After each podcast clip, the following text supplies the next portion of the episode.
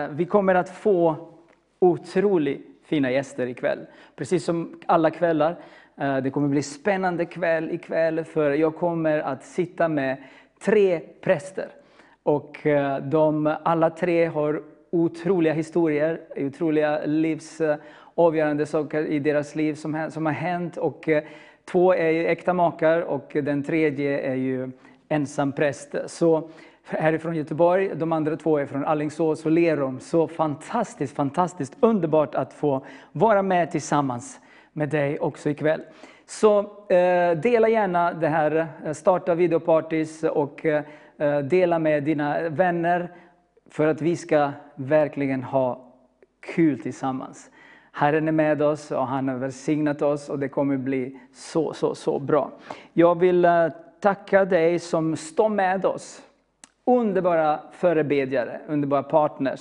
Verkligen, verkligen tacksam från hela vårt hjärta. Vi vill tacka dig från allt som ni gör för kanalen. Ni är med och ber, ni är med och stöttar. Och eh, det är ju allt vad vi kan önska oss. Att ha trofasta, trogna människor som dig. Och jag vill säga, inte er, utan dig, du som kollar. Du är viktig och vi tackar dig för allt som du gör. Så att vi kan sitta här i Stockholm och Göteborg. Ni vet hur mycket eh, allt kostar, men ni öppnar era hjärtan och så ger ni från det som Herren har lagt på, ditt hjärta, på ert hjärta. Så jag vill tacka så mycket. Nu är det som så att eh, vi, har, eh, vi har flera saker som eh, jag vill eh, eh, göra nu på, i, i början och det är ju att jag vill bara ge dig lite fakta som jag fick från eh, Gaudat, vår tv-chef. Och det är så här att eh, nu är vi inne i november, mitten på november, men fram till idag så har vi haft ungefär 480 gäster. 480 gäster på våra 240 eh, livesändningar från Stockholm och från Göteborg. Så tänk dig 240 kvällar är vi tillsammans. Och nu är vi i november. Och det är ju nästan 500 gäster som har varit här och eh, talat om Jesus och berättat om olika vittnesbörd, olika mirakel och tecken och allt som hände i, i våra gästers liv. Vi har varit här som programledare. Vi är ungefär 15 programledare som finns på Vision Sverige. Och eh, vi tycker det är så kul att få möta med våra gäster och jag tycker det är så kul att få prata med dem och jag vet att alla andra tycker också. Det är så, så gott. Men som sagt, som jag sa i början, det är tack vare dig att vi kan sitta här, för du hjälper oss så mycket. Vi har fått lyssna över 40 000 kommentarer. 40 000 kommentarer under dessa kvällar. 40 000. Det är så många kommentarer. Det är folk som ringer, som kollar, sms, som kollar på Facebook och som skriver live-kommentarer. Och eh, många av dem är bönämnen, men många är också tacksägelseämnen. Så redan ikväll också, om ni vill, så skriv gärna eh, om ni vill att vi ska be för. För alla mina gäster stannar kvar och vi ska be tillsammans att Jesus ska vidröra dig. Så det är ju så många som eh, vi har hört att eh, jag har blivit helad, jag har blivit upprättad, jag har blivit eh, eh, ena, det andra och det tredje. Herren gav mig ett nytt jobb och jag har fått en ny make, eller mina barnbarn blev frälsta. Halleluja! När vi ber till Jesus, då händer det saker. När vi litar på honom, då kan vi vara lugna. För det är inte jag, det är inte gästernas förtjänst, utan det är allt pekar på Jesus. Och det vill vi göra. Så vi vill också passa på att eh, eh be dig om någonting kanske som, eh, som är lite eh, för tidigt för den här årstiden. Och det är ju snart jul, eller hur? Eh, nu är vi ganska tidigt ute, men vi vill ändå gå ut med, med, med, informationen. För imorgon så kommer vi att skicka nyhetsbrevet till alla våra partners, alla våra förebedjare om en önskan som vi har en önskan är att eh, när vi ändå köper julklappar till våran eh, till våra närmaste, till våra barn och barnbarn och vi, vi, vi tycker om att få julklappar.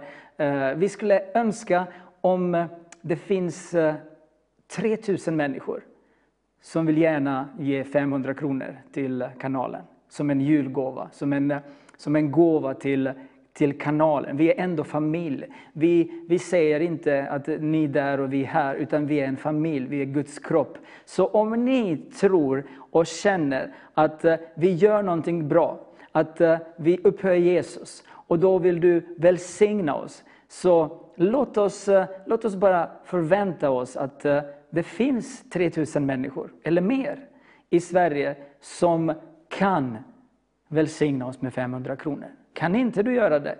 Du kan kanske 100 kronor eller 50 kronor. Snälla, låt inte detta bli ett hinder. Om du känner att du vill välsigna oss med 5 000 eller med 5 miljoner, det är upp till dig. Jag bara säger, Tack Jesus att det finns människor som står med oss, som vill hjälpa oss och som eh, ser frukten av dessa pengar. För allt vi gör, det är att vi vill prisa och upphöja Jesus. Tack så jättemycket för din gåva. Tack så jättemycket för allt det du gör. Och jag vill, eh, eh, jag vill tacka eh, människor som har gett. Det är ju, ni, ni, vet att jag brukar ju skriva eller läsa ungefär så många som har gett. Men listan blir längre och längre och det kommer ta så mycket mer tid. Det är ju, jag bara säger tack till Anna-Lisa. Jag vill inte säga pengarna nu för det tar så mycket tid. Jag vill bara läsa Eh, tack till Anna-Lisa, Rune, David, eh, en annan David och eh, Mohammadi, Ann-Helén, Göte, Anna-Lisa igen, Svea, Svea Anna-Karin, Karin Maria, Eva, Frans, Karin, Yvonne, LM, Bruno, Eh, så kom det en, några anonyma. Lina, Gunnel, Solveig, Leif, Gunnel, Elisabeth, Finn, eh, Kristoffer, eh, Agneta, David, eh, Peter, eh, Torborg, eh, Sune och flera anonyma också. Det är ju så mycket. Det är från 100 kronor, 500 kronor, 300 kronor, 20, 200, 3500 och det är ungefär där. Men spelar ingen roll. Det är ju, ni bygger ju stenar med oss, ni köper ju stenar, ni bygger ju muren med oss. Men eh, låt oss bara blicka framåt och bara tacka Jesus för allt som han har gjort eh, i våra liv. Så om vi har välsignat dig under de eh, elva månader och du känner att eh, du vill välsigna oss och ge oss en liten eh, eh julklapp i form av 500 kronor eller mer eller mindre. Det är upp till dig. Tack så hjärtligt. Eh, jag har fått eh, faktiskt eh, från Bo Ekman ett tacksägelseämne och han, han, han, han skickade detta till mig. Och det var så fantastiskt så jag, jag sa till honom, jag vill läsa detta. För det var ju, ah, Gud är fantastisk. Så låt mig läsa, det tar ungefär två minuter och jag tror det kommer bli välsignat. En mammas son råkade ut för en svår motorcykelolycka för ett tag sedan. Han fick en motorcykel i present när han fyllde år. Och direkt när han startade motorcykeln störtade han till marken med svåra skallskador. Han hade inte hjälm på huvudet, utan han, han testade bara hemma och bara startade. Och så föll han. Han låg på sjukhuset med krossad hjärna. Mamman var förtvivlad. Hon kom till sjukhuset. Hon gick till, i anhör, in i anhörigsrummet. Och där satt på stolar människor, trodde hon. Men det var änglar som satt där i rummet och de väntade på henne. Hon sa till änglarna, men jag vill inte ha er, jag vill ha Jesus, jag vill träffa Jesus. Plötsligt då kom det ett starkt sken in i rummet. Och då står Jesus mitt framför henne, mitt i rummet. Och så var hon så glad. Dagen efter sa läkarna att de vill ta bort den, den, den här svårt skadade delen av hjärnan som var krossad. Men mamma sa, nej, jag träffade Jesus här och han sa att du ska inte göra någonting utan han ska ta hand om honom. Tre, eh, tre dagar senare och, och, och, mamma sa till, till, till läkarna, ni får inte röra honom. Tre dagar senare vaknade mannen upp och han betedde sig lite konstigt åt. Och han sa, vilken konstig klocka på väggen i rummet. Läkarna förstod att vad som har hänt, men inte hur. Överläkaren skrev i rapporten att mamman nekade operation i hans hjärna. Tack vare detta blev den unge mannen totalt helad. Han lever idag ett lyckligt liv. Amen. Jag tror att jag har hört eh, några amen också runt om i Sverige. Det är en mamma som har skrivit, tänk att köpa någonting till, sin, till hennes son och sen, eh, han, han kör inte ens meter, ramla och krossa huvudet, krossa hjärnan. Tänk vilka skulder, skulder eh, alltså man känner sig så, så nere som mamma, misslyckad. Och, och jag kan inte ens kan inte ens tänka mig. Men sen kom Jesus. Och det är det vi ska, vi ska alltid bjuda in honom. Våran Jesus, han vill komma. Han vill vara med oss idag också. Så han är med dig. Han har ah, gjort allting för oss. Så nu startar jag, nu startar jag eh, Vision Sveriges eh, Facebook. Och jag vill bara tacka dig att du är med. Så skriv gärna Skriv gärna olika bönämnen som finns eh, i, i ditt hjärta. Så Gud är med dig. Skriv gärna var du tittar ifrån. Så vi kommer att nämna dig och din plats. Och Gud kommer att beröra oss otroligt mycket. Det kommer bli så fantastiskt. Så snart kommer eh, äh, äktaparet äh, eh, Norén, äh, Jannika och Johan. De är präster i Svenska kyrkan och EFS. Och Det kommer bli så spännande. Men nu bryter vi för en liten sång. Och när vi kommer tillbaka så sitter de här tillsammans med mig i studion. Ja, varmt välkommen tillbaka till vår studio här i Göteborg. Vi sänder live på Sverige Live den här kvällen också. Och eh, som sagt, eh, jag sitter med Jannika och eh, Johan Norén. Varmt välkommen! Och du har varit här Johan förut, ja. förra, i april. Ja. Mm. Och Jannika, det är första gången för dig. Mm.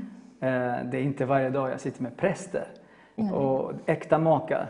Fantastiskt, det kommer bli så kul att få prata med er om vad Jesus har gjort i era liv och eh, ni kommer berätta lite själva vem ni är. För dig kanske någon kommer ihåg lite, men vem är Jannika? Ja. Vem är Jannica? Ja, ja eh, jag är präst i Svenska kyrkan. Eh, prästvigdes för 15 år sedan eh, tillsammans med, med Johan. Så att vi är båda eh, vigda till man och hustru och vigda till präster samtidigt. Eh, jag jobbar som kyrkoherde i, eh, i ett pastorat. Eh, och eh, ja, fick min kallelse under min konfirmation, skulle jag nog säga att det började, när jag var 16 år. Eh, där jag kände att eh, Gud ville att jag skulle vara i hans kyrka. Mm. Det började egentligen så.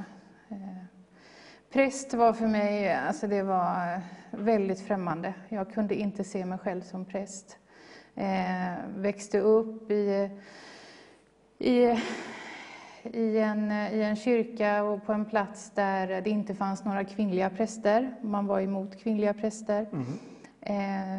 Jag hade aldrig träffat en kvinnlig präst. Jag tyckte jag var fel. Liksom. Jag hade väldigt svårt att se mig själv som präst. Eh, men när jag var 17 år så, så, eh, så åkte jag till ett kloster, till Birgittasystrarna i Vadstena eh, hade en klasskamrat som, som, eh, som berättade att man kunde åka dit och jobba i deras gästhem. Eh, och då eh, kände jag att jag skulle göra det. Så jag åkte dit själv, 17 år gammal.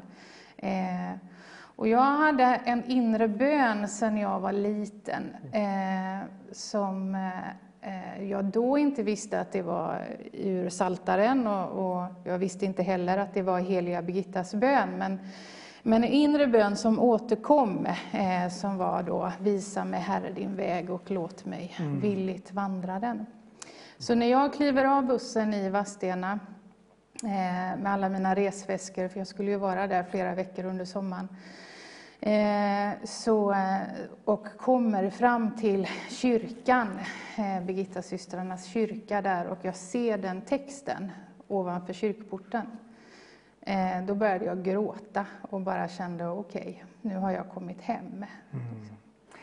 Du, du, kommer fortsätta eh, lite senare, men vi låter dig också introducera mm. dig. Vem är Johan då? Ja, Johan Norén, eh, gift med Jannica här då. Fyra barn har vi, mm. Som börjar bli lite större nu. Eh, Alltså jag kommer ju till tro, jag kommer från ett lite annat håll egentligen. Jag är, med, jag är barnvälsignad faktiskt i, i Pingstkyrkan i Götene mm. för väldigt många år sedan. För att där hade mina, mina far och morföräldrar var, var frikyrkofolk. Och mina föräldrar växte upp där. Sen tog mina föräldrar lite avstånd från församlingsliv lite senare, men jag hade ändå med mig det här i uppväxten. Alltså mina far och morföräldrar var ju varmt kristna, mm. så att det var något i atmosfären hemma hos dem som yeah, yeah. jag blev väldigt präglad av. Då. Så under min uppväxt hade jag hela tiden en men det låg där. Jag, jag, ville inte ha med kyrkan att göra. Jag tyckte det var tuntigt, jag tyckte det var fel. Gud kallade på mig några gånger, det berättade jag om sist. Mm. Jag var här, men, men då vågade jag inte ta steget. Men någonstans har jag hela tiden med mig detta att jag, det här får jag ta ansvar för någon gång, för jag visste för mycket genom söndagsskola och det jag hade fått med mig. Och det tror jag också mina far och morföräldrars böner betydde väldigt mycket. Yes. För jag vet i ungdomsåren när man ville bryta gränser och gå över vissa gränser som var fel, så kunde jag inte göra det. Och märkliga händelser när jag tittar tillbaka på det, så att det var som att det var ett gudomligt skydd mm. på ett sätt där. Eh, så att det, det tänker jag att böner är väldigt kraftfulla det här när vi ber för våra barn och yes. barnbarn så, så kan jag vittna om att det, det har en väldig effekt. 23 år gammal, ja, då hade vi lärt känna varandra i Lund för jag kom egentligen för att läsa religionsvetenskap. Jag hade varit i Thailand och var intresserad av buddhism och skulle förkovra mig det, men blev ju under universitetsstudierna, och då var ju de inte, det var ju ingen trosundervisning, det var ju väldigt vetenskapligt, men det räckte för mig när vi studerade Jesu liv, mm. att antingen är Jesus historiens största bedragare, eller så är han precis den han säger sig vara, mm. nämligen Guds son, världens frälsare. Yes. Så jag blev förnuftsmässigt övertygad om att det här är sant. Jag lärde känna kristna människor som hade en tro. Jag kände att det de har, det vill jag ha i mitt liv. Jag behöver det i mitt liv. Min egen tomhet och nakenhet blev bara mer och mer tydlig. Mm. Och allhelgonahelgen 1998 så har jag ett Guds möte som eh, förvandlar mitt liv. Ser ingenting, hör ingenting, men det öppnas en källa på insidan mm. av liv. Och jag hade sökt så länge så att var, min längtan var rätt stor och, och jag, jag, var närmast desperat efter Gud. Rädd för att inte komma till tro. Jag, jag, jag, ville tro och jag trodde med mitt förnuft men inte med mitt hjärta. Men i och med den här upplevelsen där så, så pånyttfödelsen eller nyskapelsen, mm. när min ande får liv i Gud. Amen. Och efter det så är allt helt annorlunda. Jannica, hon kände mig innan och hon sa så här, för vi blev tillsammans då lite senare. Ja, jag blev bara några veckor efter jag kom till tro så blev vi ihop. Men Jannica tyckte hon sa vid något tillfälle där att du var ju nästan roligare innan du kom till tro. För att innan var jag, jag höll på med sport liksom och jag, var, jag levde livet. Men sen när jag kom till tro, då var det bara Bibeln. Oh. Det var bara böcker. Och jag, vi, sen blev vi ju tillsammans. Och ganska lagisk. Och ganska lagisk ja. också. Du vet om folk drog Präktig. en vits sådär så då visste jag inte, nej, men det, får, aj, aj, aj, det får man inte skratta åt. Jag, jag, jag, visste inte hur man skulle bete sig för att jag var densamma. Ja. Men Guds ande hade nu flyttat in på insidan och det var den längtan efter mm. helighet. Mm. Jag ville leva för Gud. Men det tar ju lite tid att få ihop det här innan man lär sig att slappna av i att det är inte så allvarligt. Nej. Utan den helige Ande vill göra oss hemtama i Guds rike och gemenskapen med Fadern och Sonen Jesus Kristus. Mm. Du, det, nu, nu, är det som så att du, du är 17 år, du är på väg till Vadstena. Mm. Du har inte träffat eh, Johan då? Nej. Berätta lite vad som hände där på klostret.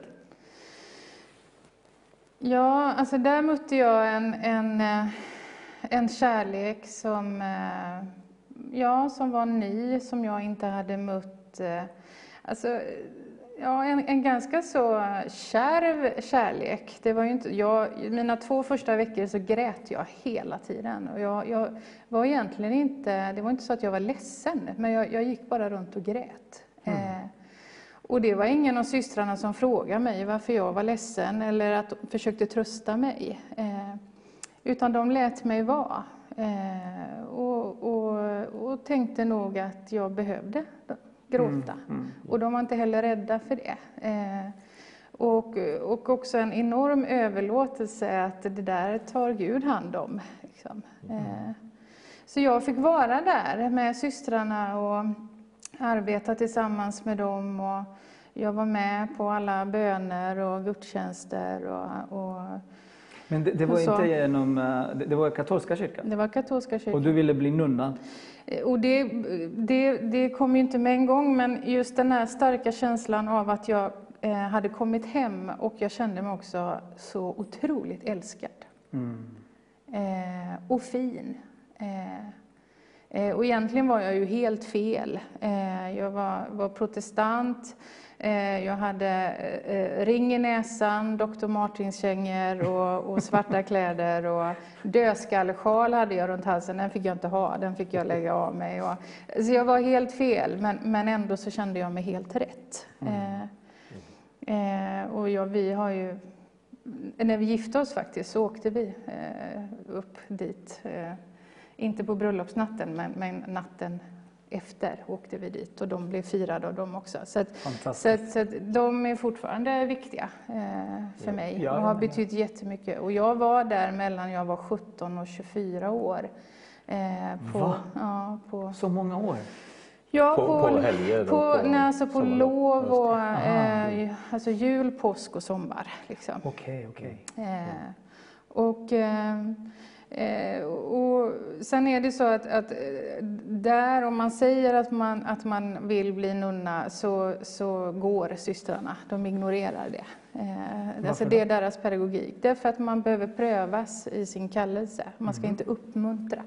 För har jag kallelsen, då, så, då, då, då kommer jag mm, att stå mm. kvar liksom, med kallelsen. Eh, så att jag, eh, så, så att abbedissan då eh, blev väl lite trött på mig, eh, att jag höll på med. Så att då, då sa hon, ja men låt henne få komma in i klostret. För det hade jag, jag hade ju bara varit i gästhemmet. Eh, låt henne komma in i klostret så hon blir av med sina rom, romantiska eh, föreställningar.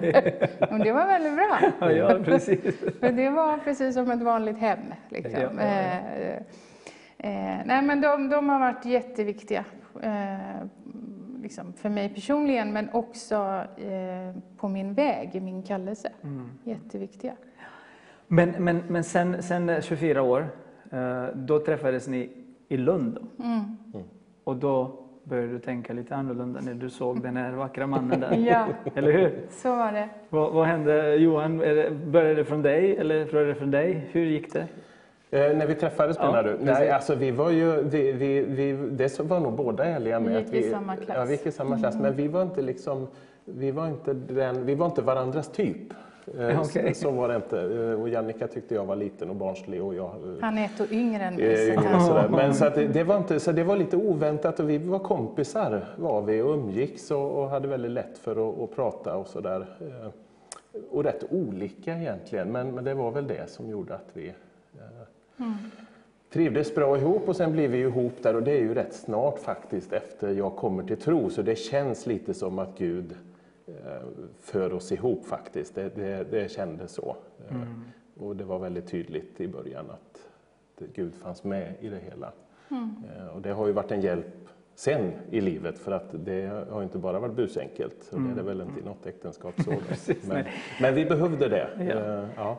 Eh, Jag, jag vill bara passa på att berätta för dig. Det finns ju callcentret är öppet, eh, så det finns ju, om ni ser det här 08-nummer, så kan ni gärna ringa och då finns det två älskade systrar, Charlotte och Miriam, som väntar på dig. Om du vill prata med någon, om du vill att de ska be för dig, så callcentret är öppet. Eh, det är ju, ni kan nå oss eh, genom callcentret, eh, genom sms och livesändning, kommentarer på Facebook. Så jag ser att ni skriver redan bönämnen. Vi kommer att be för dig ikväll med dessa underbara människor och plus Göran när, när han kommer också in. Så då går vi vidare. Då är ni i Lund. Ni, ja, ni är ihop, ni älskar varandra. Hur blev livet efteråt, efter studierna? Var hamnade ni då? Eh, ja, då kommer vi till Alingsås. Där då. Vi kan ju säga att alltså, den studietiden i Lund, om jag bara kan ta lite om det, så var det en mm. otroligt spännande tid. Absolut. Det var 1998, det här är ju jättelänge sedan. Och vi är ju superolika. Jannica kommer från ett annat håll. Jag är nyfrälst och, och mm. i mitt fall så är det, jag vill ha allt. Och, och, jag var inte rädd för någonting, utan ju mer det hände och ju mer det sprakade, ju mer spännande var det. Och Jannica var ju helt tvärtom, att tyckte det var obehagligt, så det var ju en väldig källa till konflikt. Han bad i tungor, hade rosenkransen och bettskena samtidigt. Liksom. Alltså du, du, du var du var väldigt, som nygifta. Du var väldigt var mycket. Lite eh. överspänd.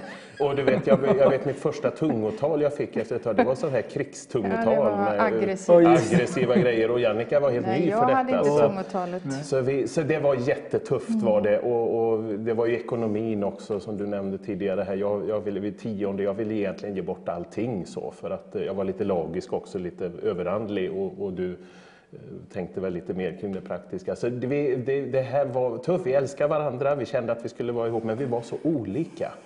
Och jag var ju då nykristen, brinnande tyckte jag. Jag läste Bibeln och jag bad och så var jag på Jannik att du, du, skulle nog behöva läsa Bibeln lite mer och du skulle behöva be lite mer och sådär.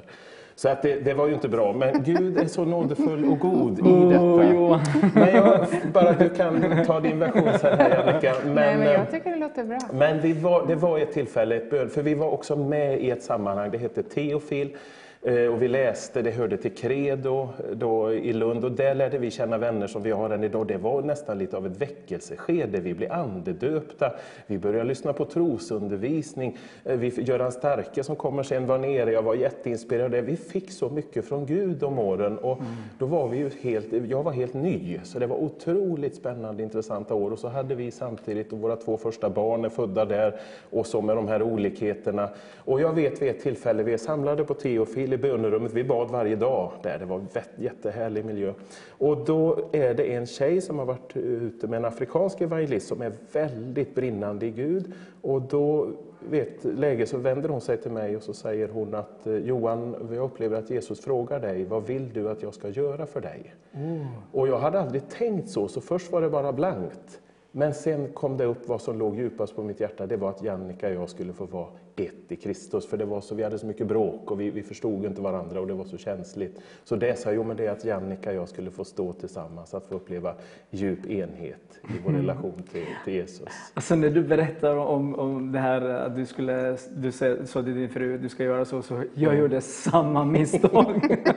så när du berättade så tänkte jag, oj, jag var inte det är inte bara jag som har gjort det här misstaget. ja, och jag kan berätta sen hur jag blev omvänd i det hela, för jag fick berätta, med Jag ska göra det nu kanske innan du tar det. Men ja. Jag märkte ju sen på Jannica när tiden gick att eh, alltså det var i Jannikas konfagrupper konfirmanderna blev frälsta. Mm. Alltså Jannica profeterade in i mitt liv och in i andra människors liv och jag, jag kunde se att det fanns en annan tyngd nästan över hennes liv. Ja. Jag hade väl också ande och sådär. Men jag förstod att då är det inte, det, det, handlar inte om hur mycket timmar du lägger i bön eller hur mycket bibel du läser. Det är jättebra att både vara i bön och läsa bibel, men vi är olika. Jag älskar att vara i ordet, jag älskar att vara i bön. Men Jannica är mer i det hela tiden. Mm. Och Jannica har en väldig kärlek till Jesus, en väldig kärlek till sanningen, så hon är mer i det hela tiden, medan jag behöver avsätta tid för att vara i det.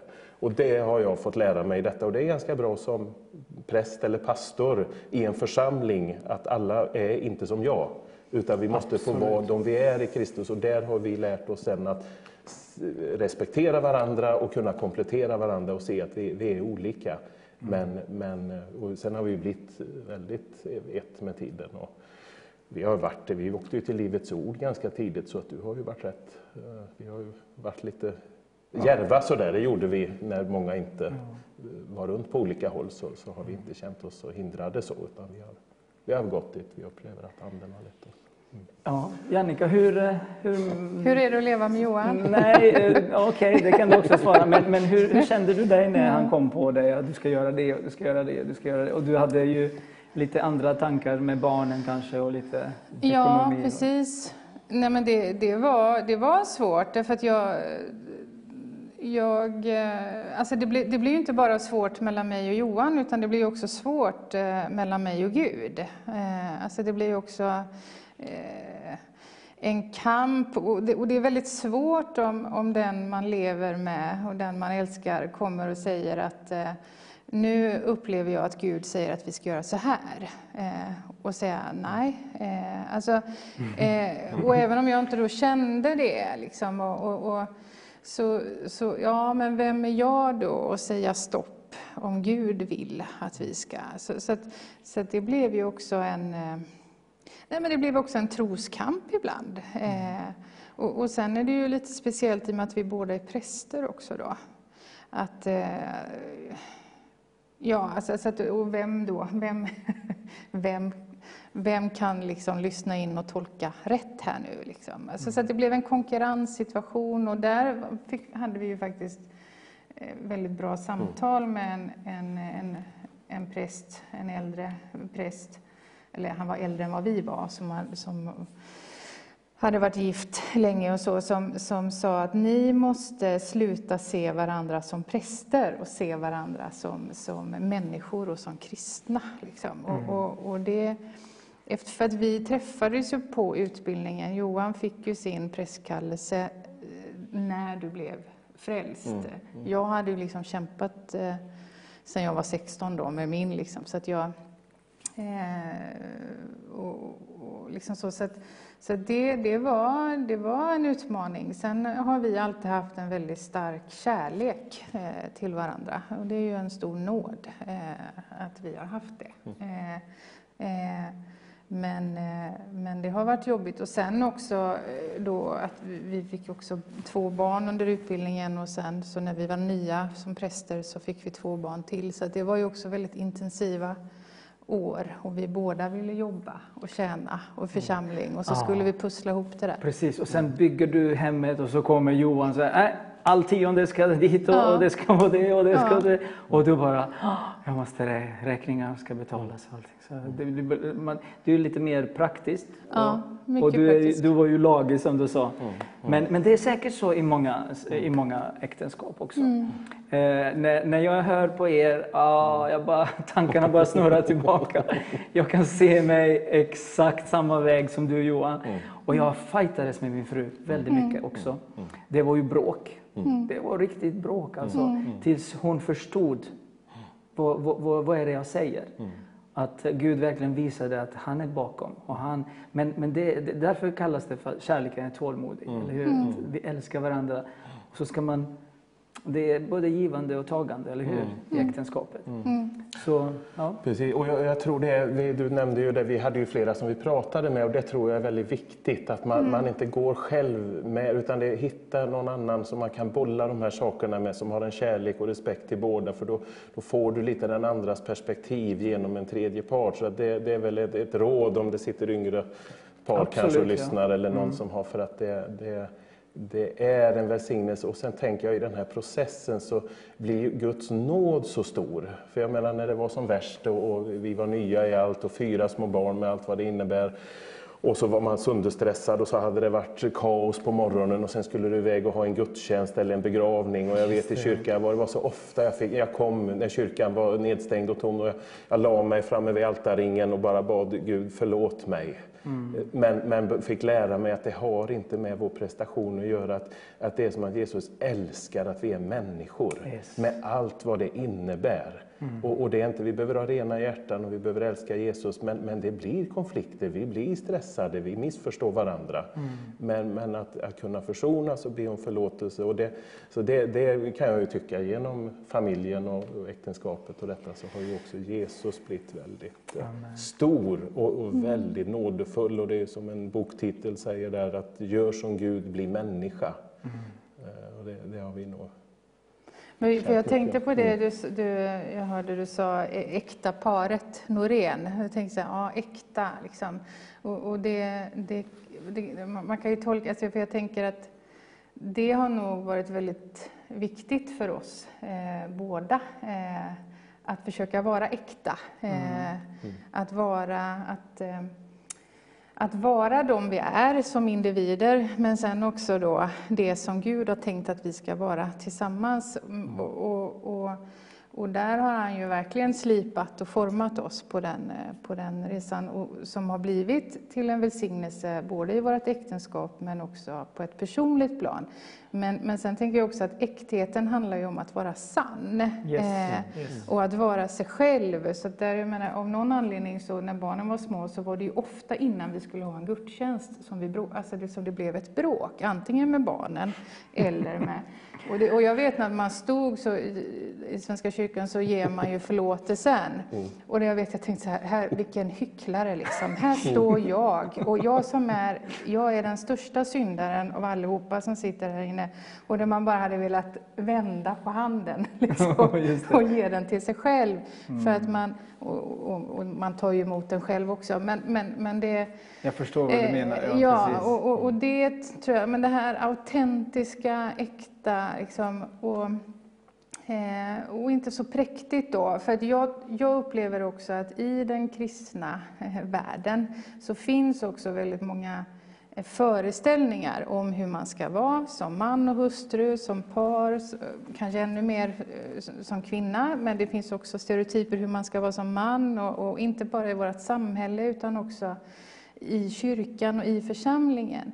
Eh, som, och ibland då kan binda eller, eller eh, ja, försvåra faktiskt. Eh, eh, och, och- och det, är ganska, det, det händer ganska ofta att vi får just sådana samtal, just kanske också för att vi båda är präster. Och där man liksom, och där, där jag kan tycka att det är lite sorgligt att, att, att många då jag tänker att min uppgift är att hjälpa, eh, eh, liksom hjälpa Johan att, eh, så att han kan bli den som Gud har tänkt att han ska vara.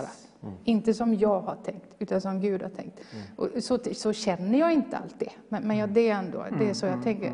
Och tvärtom. Eh, och, och, och vi behöver vara indi- liksom våra individer där också. Eh, eh, och alltså att man inte för, behöver, men vi har ju försökt, jag har ju också försökt att kontrollera Johan, det är inte så att, att, och gör. Så det är inte bara så att han har, utan vi, ja, så, så, gör man ju liksom. Men, men, men sen när man blir lite äldre, man mognar, man blir lite tryggare i sig själv. Eh, så, så, så, så kan man också släppa den andra på ett annat sätt. Ja, precis. Eh, och vara fri Och att det, vara den. Det, det är frigörande Och, och, och är han, gör han bort sig så får liksom han stå för det. och tvärtom. Liksom, jag behöver inte ta ansvar för det. Eh, Men Jag tänker på en sak, vi kanske ska släppa äktenskapet om Ja, en stund här. ja, ja, ja. Bestämmer du. Men jag, jag tänker vare sig du lever i ett äktenskap eller du, du, du har en kallelse att leva själv, för det är en del som har det också. Så tror jag att alla vi har någonstans en, jag tänker mycket på alltså Israels vandring från efter slaveriet i Egypten när de är 40 år ute i öknen. Att, att jag tänker att vi har en ökenvandring, var och en av oss. Oberoende av hur vår livssituation ser ut så är det, han säger ju till dem, femte Mosebok 8, ett sånt här kapitel som jag och vi har levt lite i när det varit som tuffast. För det står att han förde dem genom den stora och fruktansvärda öknen. Detta för att pröva dem. eh, För att se om de älskar Gud eller Precis, inte, om de vill följa Gud eller inte, för att pröva dem, för att de skulle lära känna vad som fanns i deras hjärtan. Och där tänker jag att det finns en prövning där Gud låter oss gå igenom motgångar och svårigheter. Vi, vi, vi upplever förkrosselse, vi går sönder, vi får ödmjuka oss. Men under ökenvandringen så kommer det oaser. För det har vi upplevt genom åren, och det tror jag vi gör när vi går med Gud. Att när vi är som mest trötta, då öppnar han upp för oss en oas. Och så får vi nytt vatten och så får vi hopp och så får vi ny glädje i vårt äktenskap. Men sen är det en tid till. Men sen kommer man till en punkt när man går över Jordan. Eh, och det tror jag vi har gjort, så det är upplevelsen i alla fall. När du får gå över Jordan, du lämnar ökentillvaron och går in i lufteslandet. Och det tänker jag, det har Gud för oss alla oavsett hur vår livssituation ser ut. Så att du inte ger upp drömmen, visionen. Vi får en vision tidigt i vår vandring med Gud. Och den visionen gäller att hålla levande. Yes. För den visionen vill få oss att inte ge upp utan fortsätta att sträcka oss. För det finns ett luftesland. Och där går lufterna i fullbordan. Där börjar vi komma ut i vår kallelse. Vi får uppleva smörjelsen, vi får uppleva glädjen i Gud på ett annat sätt. Men då är det så viktigt att ha med sig ökenvandringen. För det är ju där du har skatterna. Det är där du har eh, lärdomarna. Det är ju där Guds nåd som har helat och läkt dig. Det är ju nu du kan ta av det och välsigna andra. Så. Amen, amen. Sen är vi alltid lika beroende av Gud, men du förstår vad jag menar Yes, i det. Och det, det absolut, tänker jag absolut. Mm. lite det vi försöker sätta ord på. Att det, det är en ökenvandring och den är prövosam och den är tuff och den kostar på. Men det är en otrolig välsignelse och den är nödvändig också. Mm. För när vi sen blir bärare mer av smörjelsen och kraften, då, då har han ödmjukat oss under vägen. Så vi tar inte oss själva på så stort allvar. Mm. Vi tar Gud på allvar, men vi tar inte oss själva Vad på så fint, stort allvar. vad Och det, det, det tänker jag, ett liv i Guds vilja är ett liv i Guds nåd, Mm. fick vi höra för ett tag sedan. Eh, vet ni vad, vi ska ju bryta för en sång nu och eh, då får ni dricka lite vatten och så vill jag passa på att tacka dig som, som finns hemma, som är ju eh, våra förebedjare och eh, våra partners. Så tack så jättemycket att ni står med oss. Tack att eh, ni ger och det finns olika sätt eh, att eh, ni kan ge till oss eh, genom Swish, Vips, sms, genom postgiro, bankgiro. Det finns ju om det finns en vilja att ge, då, då, då, då är vi tacksamma för varje krona som kommer in. För det är ju så att eh, ni vet, allting kostar pengar och vi bara förlitar oss på Gud och på dig, att du står med oss. Så tack så, tack så jättemycket. Nu bryter vi för en sång och under sången, eh, under sången så kan du hämta kaffe eller någonting. När vi kommer tillbaka ska vi prata lite om eh, missionen och lite drömmar och lite connections. Och det vill ni inte missa.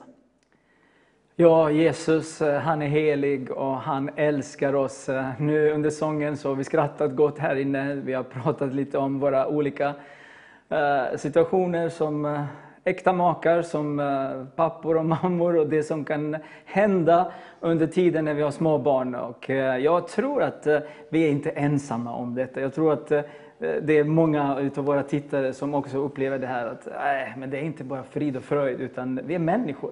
Men vi älskar Jesus. Men ibland kan eh, barnen göra olika saker, eh, olika situationer, det ena, stressen, det ena det andra. Men som vi skrattade så gott, eh, nåden. Guds nåd finns. Och han, våran pappa, han också skrattar också ibland. Och så säger han, nej, jag vet, ni går igenom svåra, men jag älskar er. Så, så nu är det som så att eh, du är ju präst i Svenska kyrkan i Lerum. I Lerums kommun. Lerums kommun. Ja. Och du tjänar som präst i Alingsås, Mm. i EFS. Just det. Yes. Vill ni förklara lite för våra tittare ungefär, vad är det som, vad, vad betyder EFS? Och, och vad är det, hur, hur, lite koppling mellan Svenska kyrkan och EFS. Mm. Så vi får, vi får förstå lite mer. Just det. Alltså, vi, vi, precis. Man kan säga så här att EFS är en förnyelserörelse inom Svenska kyrkan med, med fokus på evangelisation och, och mission och, och väldigt mycket gott. Så att det är en, en förnyelserörelse. Och, och det är ju det vi kommer in på med, om vi ska prata om Etiopien lite här också. Där så har EFS ett, eh, en fantastisk eh, missionshistoria. Och med fantastiskt namn också. Ja, ja. Evangeliska Fosterlandets stiftelse. Eh, Precis ja. Det är ju lite, eh, lite åldrigt namn men, men jag tror man har valt att behålla det för att det är, eh, ursprunget det är ju från 1850-talet någonstans bildades EFS men det bildades som en missionsrörelse inom Svenska kyrkan men valde då att stå kvar inom Svenska kyrkan som en förnyelserörelse. Ja, ja, varför jag väljer olika gäster så här, det, det är så att i, i de här veckorna, ja, kanske fem, sex veckor tillbaka, så har vi haft olika eh, gäster från olika samfund. Eh, Gud har talat till oss. Vi är ju ingen kyrka. Vision Sverige är ju en kristen kanal. Så vi vill gärna koppla med olika Guds människor, Guds kvinnor och män. Vi bryr oss inte för dessa samfunds murar, om man säger så. Utan älskar du Jesus och, eh, och, och tror du att han är Guds son och att han, är, att han dött och, och uppstått och, och eh, f- finns och ber just nu, han lever. Då är vi Guds barn tillsammans och vi älskar Jesus, eller hur? Så jag kan, vi kan ha EFS, EFK, Svenska kyrkan, Livets ord, pingst, baptister, olika samfund som vi människor säger att vi kallas för. Att vi är, jag är pingstvän, jag är den och den. Men vi är Guds barn. Så när vi sitter så här och när vi ska be tillsammans, när vi upphöjer Jesus, tror du inte att vår fader älskar detta? Ja. Så Så det, om du är från Allianskyrkan eller, eller någon, någon annan kyrka, så, så metodist, eller, det är så att eh, Jesus bara säger kom till mig. Jag älskar dig mitt barn och jag vill omfamna dig. Och eh, dessa kvällar när vi har olika gäster, då vill vi bara säga Jesus, krossa dessa murar. Religiösa murar. Vi behöver dig. Och nu kommer vi in i det här att eh, tiden som, som vi är just nu. Covid hit och dit, eh, kyrkorna stänger. Det är ju viktigt med media, eller hur? Och eh, det ni sa i, innan, vi, innan vi kom in, det är just det att vi låter inte bönen eller lovsången tystna. Hur viktigt är lovsången och bönen för dig, Jannica? Oj, alltså superviktigt. Sen, eh, sen eh, har vi lite olika sätt att be eh, Men det är ju och perfekt. lovsjunga. Eh, alltså jag, jag går väldigt mycket med ordet och bönen liksom, hela tiden. Ja, hela tiden, det lät ju jättefromt, det var inte det, men liksom alltså att jag, det, alltså jag, vi har ju olika, jag har ingen sån stark frälsningsupplevelse som Johan har. Jag, jag, eh, jag eh, eh, tror att jag eh, blev frälst i mitt barndop, för att jag kan inte minnas ett liv utan Gud.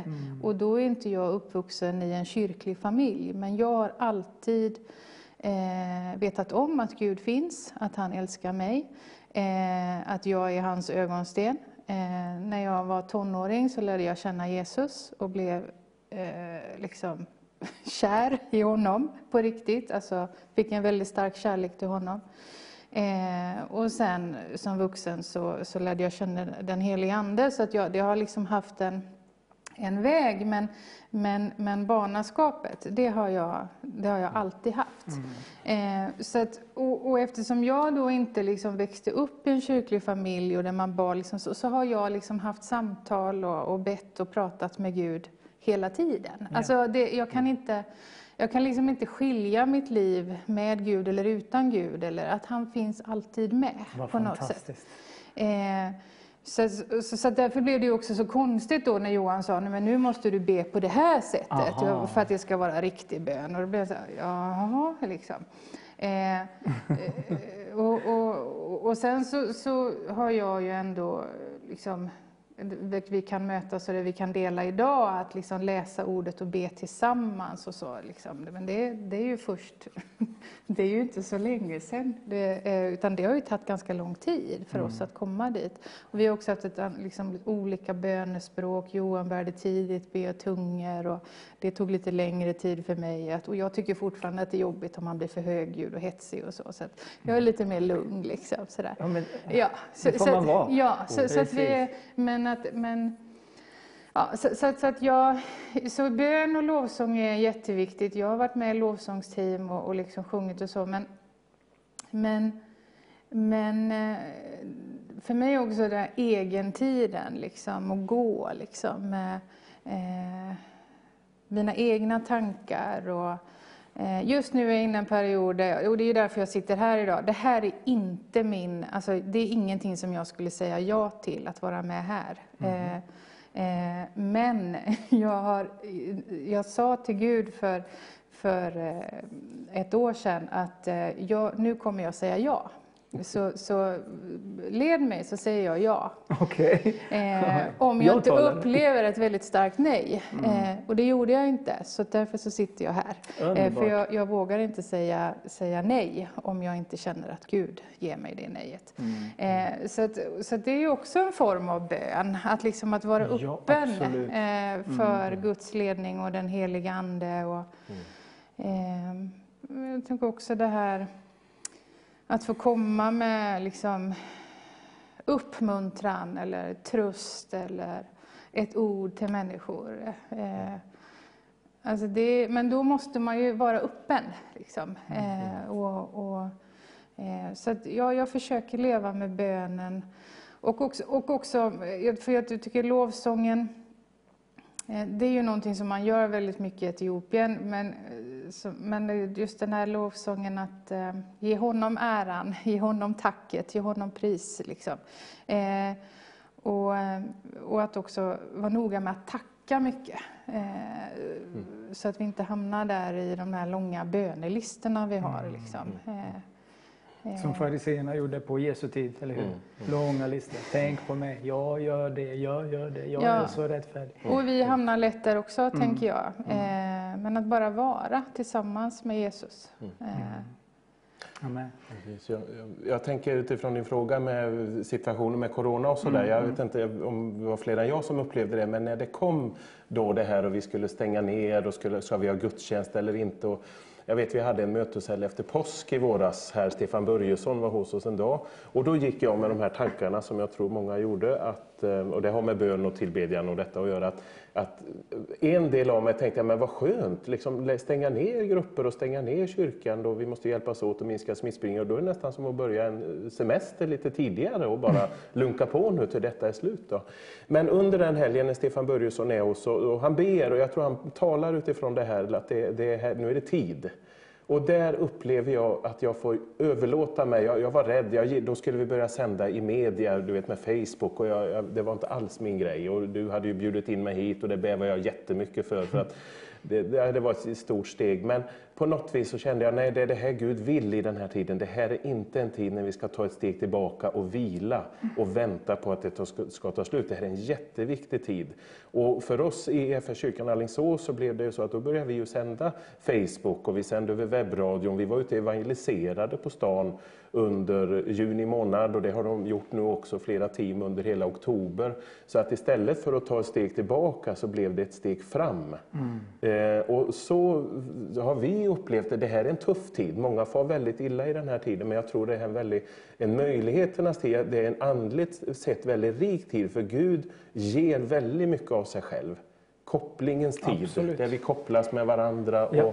Och, så, så att jag tror det är väldigt viktigt, oavsett, även om vi nu inte får träffas mer än åtta, att, att ändå bönen pågår i våra kyrkor. Att tillbedjan är igång. eh, Så att ett Guds folk är aktivt i den här tiden, för det är jättespännande tider. Och evangelisera kan vi ju göra, vi kan ju vara ute på gator och torg. Vi står i hela människan, en gång i veckan försöker vi stå bara ett enkelt bord och så har vi bullar och saft och så har vi biblar och Sebastian Staxets bok. Jag har prästkragen på mig och min kollega som har jobbat i Frälsningsarmén, Marita. Och det är mycket folk som kommer fram för det finns en sån hunger idag. Ja, är folk är oroliga och folk, folk har frågor och sådär. Så att det här är en jättemöjlighet som jag tror vi kan använda utifrån de förutsättningar som finns där. Då. Men vi kan ändå passa på att berätta att EFS, kyrkan från Alingsås, kommer att, eh, det har börjat redan, eller kommer att börja sända på Ja, Vision start på Sverige. söndag tror jag. Nu på söndag? Ja, jag tror att det är den första gudstjänsten vi Så, får sända genom er då på Precis. söndag eftermiddag. Så, Så vi har- sänder varannan söndag sen. Det är Varannan- Mm. vi jätteglada för att få göra. Verkligen. Så, så ni, kommer, eh, ni har köpt lite kameror och lite utrustning? Eh, och... ja, vi, vi har ordnat det så att Ja. eh, vi har okej eh, kvalitet på det. Så, men vi kan också passa på att berätta att eh, vi har varje söndag åtta församlingar som sänder eh, sina möten. Deras möte på Vision Sverige. Och eh, målet är att vi ska ju kanske ha 12, så att vi sänder 12 timmar varje varje söndag. Och det är ju från eh, olika platser, olika församlingar, samfundet. Och, och det är så fantastiskt, för det är ju en sån stor bredd i, i kristenheten. Så vi vill nå till alla. Evangelium måste gå ut. Så vi är jätteglada att vi sänder från EFS. Plus att eh, du snart kommer in i programledarrollen också Ja, på Vision Sverige. vi får se. Så du snart Eh, kommer ja. att sitta i den här stolen. och eh, det kommer bli så spännande Johan. Och, men jag kan säga så, orsaken då till att jag kom och att vi är här idag och jag ändå känner för att jag upplever att ni hedrar hela Kristi kropp. Mm. Och Jesus sa ju så här att när ni är ett, Ja. Johannes 17, 17. när ni blir ett skall världen tro Mm. att Fadern har sänt mig. Alltså splittringen är en förbannelse. Mm. Så att lägga kötslig energi på att splittra Kristi kropp, det, det tror jag är ganska allvarligt i den här tiden. Sen har vi läroskillnader, så är det. Du och jag tänker inte lika i alla frågor. Men om vi kan enas kring vissa saker, då tror jag vi ska göra det i den här tiden. För om vi blir ett, då kan världen tro. Så jag tror det här är något som ligger på Jesu hjärta. Och när vi söker enheten, jag tror det ligger en välsignelse också. Det finns det en smörjelse. så det är orsaken till att, att, att jag tycker det känns roligt att vara med och att EFS-kyrkan får vara med och sända genom er Amen. kanal. För jag vill hedra eran, eh, er längtan och er ambition att verka för enheten. Och jag tror Gud kommer och han har redan visat och kommer välsigna oss för det. Mm. För vi älskar människor, vi älskar Kristi kropp. Mm. Och vi är sända, eh, vi, vi, vi, vi- är kallade att predika till alla. Mm. Icke-kristna, men också kristna, Mm. Guds folk. Nu eh, är vi jätteglada att EFS är med eh, på Vision Sverige, att du är med som programledare. Men nu vill jag ställa en annan fråga till dig, Annika. Eh, Vi har pratat lite grann om Etiopien. Mm. Varför är Etiopien så speciellt för dig? Eh, min eh, första resa till Etiopien kom i ett skede, eh, det gjorde jag genom mitt jobb där jag arbetade tidigare, där min eh, då förra kyrkoherde, eh, han är själv född i Etiopien och eh, hans föräldrar eh, var missionärer och, och arbetade där nere. Så han, och eh, han frågade om jag ville åka med på en resa till Etiopien och då, då var jag i, i ett eh, Nej men verkligen ett jättetufft jättetuff, eh, tufft läge i mitt liv. Jag hade, jag hade det här var, då var det 2018. Eh, ja, det, det spelar ingen roll, det är några år sedan. Men då hade jag i alla fall, eh, jag hade blivit misshandlad av en, av en, ja, en påverkad, påverkad man. Som, och det var också i tjänsten som präst. Han, han kom in i kyrkan och misshandlade mig. Eh, och så- Fysiskt eller? Ja, Aha. både ja, hot och våld, men också fysiskt. Eh, så så det, det var, var och ett, en, en enormt, eh, alltså en, en ondska som jag inte, jag menar inte att han, han var ond, men det fanns en sån ondska i honom i, den, i den stunden som, som, som eh, ja, gjorde mig eh, liksom, eh, ja, väldigt, väldigt illa. Eh, och, och han gick också på, inte bara mig, liksom, utan han gick också på att jag var präst och att jag var kvinna. Det var det som triggade honom. Ah. För det var ju andra i kyrkan också, men det var det som gjorde att han eh, riktade sin vrede mot mig. Och det blev rättegång och så efter det. Men, men, men, och i den här, det, det hände först och sen så, sen så, så dör min lillebror, eh, 40 år gammal. Eh, han, ett eh, aneurysm som brister i hjärnan och, han, och jag är med när de stänger av respiratorn. Och, eh, så att, så att det, det var liksom, och, och min lillebror var Ja, jag älskar nog honom lite mer än jag älskar Johan.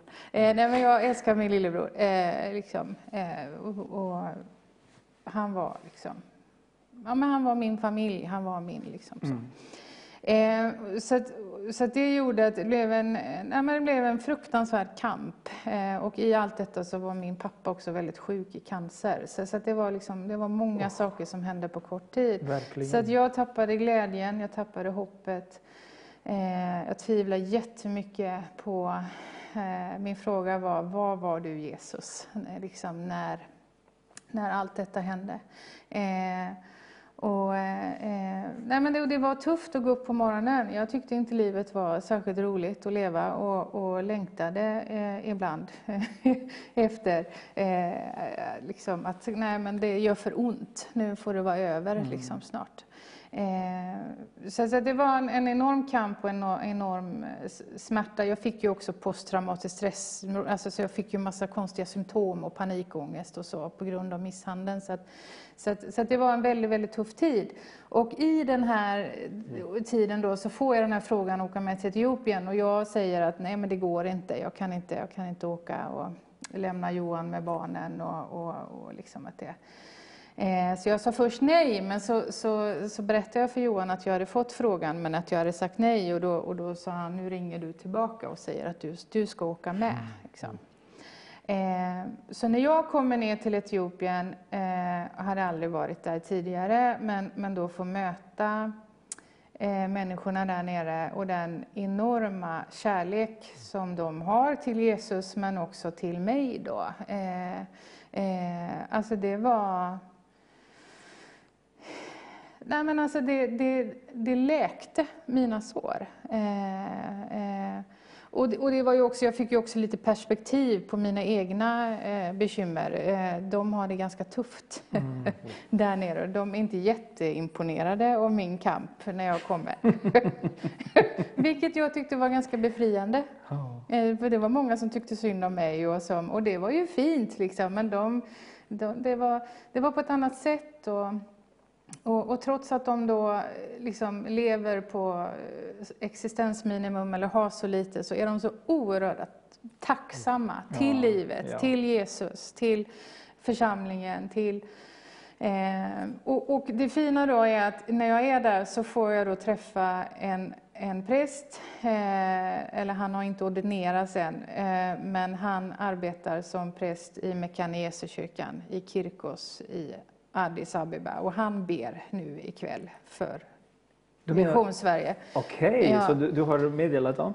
Ja, att ni ska vara ja, där? Och så ber de ja, från ja, Etiopien? absolut. De ber, de ber. Amen, vi, har, vi skickar bönämnen till varandra. De kanske tittar till och med på Facebook? Ja, nu har de fest i kyrkan ikväll och firar att, eh, en sak. Men, men, de, men de ber säkert på den festen också. Eh, men, men men i alla fall så, så, eh, Men det fina då med eh, Salalem är att jag, jag, fick, jag fick en, eh, en ny bror i honom. Han, han ersätter inte min bror som, som jag förlorade här i Sverige, men, men, eh, men han säger eh, att jag är hans svenska syster och jag säger att han är min etiopiske bror. Eh, så att, Vad fint. Och sen så åkte jag tillbaka. Jag var tre gånger i Etiopien på, på, på 14 månader, så att jag, jag, blev väldigt, liksom, jag har mm. blivit beroende av Etiopien och du var med nu i januari. Mm. Och det var ju för när jag följde ju Jannica under den här tiden, det var ju en lång tid, det var ju mer än ett halvår när jag såg hur då hade ju ljuset slocknat i, i Jannicas ögon och jag såg hur hon kämpade. Du satt och virkade mycket för att och liksom hantera din ångest. Och jag var rätt orolig får jag säga, för hon hade ett brutet hjärta. Mm. Hennes hjärta var krossat, det var tuffa saker som hände efter varandra där. Eh, och jag var väldigt orolig och, och jag menar tiden går och sådär. Men när hon kommer hem från Etiopien så är ljuset tillbaka. Så mm. där fick hon sitt brustna hjärta helat i, i mötet med det etiopiska folket, den etiopiska kyrkan, Jesu kärlek mm. genom syskon i Etiopien. Så att jag fick ju en kärlek till Etiopien också. Mm. Uh, ja. Men jag tänker på, när, du, du sa ju Jesus, var är du när jag behöver mm. dig? Mm. Och så plötsligt utan att du ens visste så mm. fixade han den här mm. vägen. Han sa, min dotter, jag har en plan. Mm. Jag skickar dig till Etiopien. Mm. Där ska du få möta mina älskade syskon. Eller hur? Så det är inte, du såg inte Jesus i den här mannen. Men eh, han var ju en person som hjälpte församlingen och allting. Kärleken. Och runt omkring eh, som, som, som du mötte. Och det här ljuset kom tillbaka som Johan sa. Fantastiskt. Eh, så, så du får säga tack från oss att ja, de bad. Ja, ska göra. Hälsa dem så mycket. Han är nog gärna med någon gång. Vi kanske kan köra den här ja, länk. Om, om, ja, ja. ja vi, vi, kan, vi kan göra detta. Eh, Det är ju så att uh, men nu tiden är snart ute och vi ska ju välkomna Göran också. Mm, mm. Men innan ni avslutar programmet, vi har pratat lite grann om ekumeniken. Mm. Eh, det, det, är ju, det är viktigt idag. Jag tycker att det ska vara äkta ekumenik, att vi ska ju verkligen visa att vi älskar varandra. Mm. Så eh, jag skulle uppskatta om ni två tittar i den här kameran och bara eh, tala om för folket idag mm. hur viktigt det är att vi verkligen krossar dessa murar mm. och eh, älskar varandra så som vi är, så mm. som Gud älskar oss. Johan, du kanske kan eh, börja så får vi se mm. hur Jannica... du förstår vad jag menar? Uh, att, att uppmana alla som tittar. Mm. Bara tänka om. Mm. Alltså jag, jag, vår historia, ni har hört lite av den, att vi, vi är ganska, Jannikas upplevelse när hon kommer till Vadstena, Birgitta-systrarna, katolska systrar som en liten tilltufsad 16-17-åring och, och, haft en inre bön, Herre visa mig din väg, och kommer och ser den skriven över klosterporten och där gråter du i två veckor i mötet med Jesus kärlek åt de här systrarna. Och jag har mött dem också, Jesus är där. Mm. Och sen kom vi ganska tidigt till Livets Ord och dit fick du inte åka i de sammanhang vi var för att det var sekt och du hade läst allt som stod i media. Så vi har rört oss i, i de flesta sammanhang så. Och vi har känt oss hemma i väldigt många sammanhang. Och det är det jag tänker att vi får inte vara för snabba och säga vilka som är inne och vilka som är utanför. Exakt. Utan jag är med av nåd. Mm. Och, och, behöver, sen ska vi, vara, vi behöver ha koll på läran och sådana saker och det kan bli en utmaning för oss framöver när vi ska bli mer och mer ett. Men, men jag tror det är lite farligt idag till och med att exkludera människor, för jag tror kyrkan är så mycket större mm. än vad vi tror. Och jag tror bästa sättet att nå enhet, det är att älska Jesus. Mm. För som ett sånt här hjul, alltså ekrarna, ju närmre Jesus du kommer, ju närmre kommer du också dina syskon. Yes. För då finns det ekrar på andra sidan hjulet som är jätteannorlunda, tänker mm. helt annorlunda. Men ju närmre jag kommer Jesus och ju närmre de kommer Jesus, ju lättare har vi för att mötas. För Amen. vi känner igen Jesus i varandra, vi känner igen Andens enhet i mötet med varandra. Ja, och jag, tror också att, jag tror att det är väldigt viktigt i den här tiden att jobba på sin egen frälsning. Mm. Eh, alltså det, vi behöver inte, ha, behöver inte bry oss så mycket om vad de andra gör, utan jobba på din egen frälsning och, och, och, liksom, och vad, vad du behöver jobba med. Alltså det, eh, och det, jag menar, jag tror tyvärr att vi ibland kan stå i vägen för människor. Alltså vi kan stå i vägen för Jesus. Eh, mm. Om vi för tidigt börjar tala om för människor hur de ska tro, hur de ska be, hur de ska sjunga, hur de ska stå. Alltså, då, liksom, det är inte vår sak. Vår sak är att föra människor till Jesus. Och sen så får han ta hand om dem. Och, yes. och vi har alla mm. olika tid. Och vi har, det, men det har mm. varit väldigt tydligt i vårt liv. Och, mm. och, och, Gud tar inte heller bort vår personlighet. Vi måste också få vara de vi är. Liksom. Mm. Och då får jag jobba på min frälsning och ta ansvar för den. Liksom. Mm. Jag behöver inte hålla på och peta i massa andra. Liksom, eh, eh, och, och, och, med det är inte menat att det inte finns en sanning. Eller att det inte finns, det gör det. Men, men vi behöver inte jag liksom, behöver inte vara så rädda. Liksom. Gud kommer liksom komma med sin sanning. Om den yes. helige Ande finns där så kommer han att leda. Mm. Men, men liksom, Gud har ett helt annat tidsperspektiv än vad vi har. Han är evig, men vi vill ha bråttom. Liksom. Men låt, låt människorna vara. För dem till Jesus och låt dem vara. Mm. Liksom. Mm. Eh, Eh, det tror jag är, är jätteviktigt. Och då, då behöver vi inte liksom värdera eller tala om att du ska tro så här. Alltså jag tror att det eller det vet vi också. Vi möter ju människor, som i Svenska kyrkan så, så möter vi ju en hel del brända människor mm. på kristna sammanhang. Liksom, mm. Som faktiskt har förstört människors relation till Gud. Och det är ett ganska allvarligt eh, verkligen, brott. Verkligen. Eh, mm. Och därför så mm. måste vi, vi måste vara ödmjuka och jobba. Liksom. Och, och jag måste också förstå att Alltså, jag har också liksom ett ansvar där. Eh, Eh, och jag behöver jobba på min frälsning mm. och så mm. får det eh, liksom växa till någonting gott förhoppningsvis. Liksom. Jag behöver inte ta ansvar för alla andra. Nej, nej. Det, eh. det, det räcker för oss själva, ja, eller hur?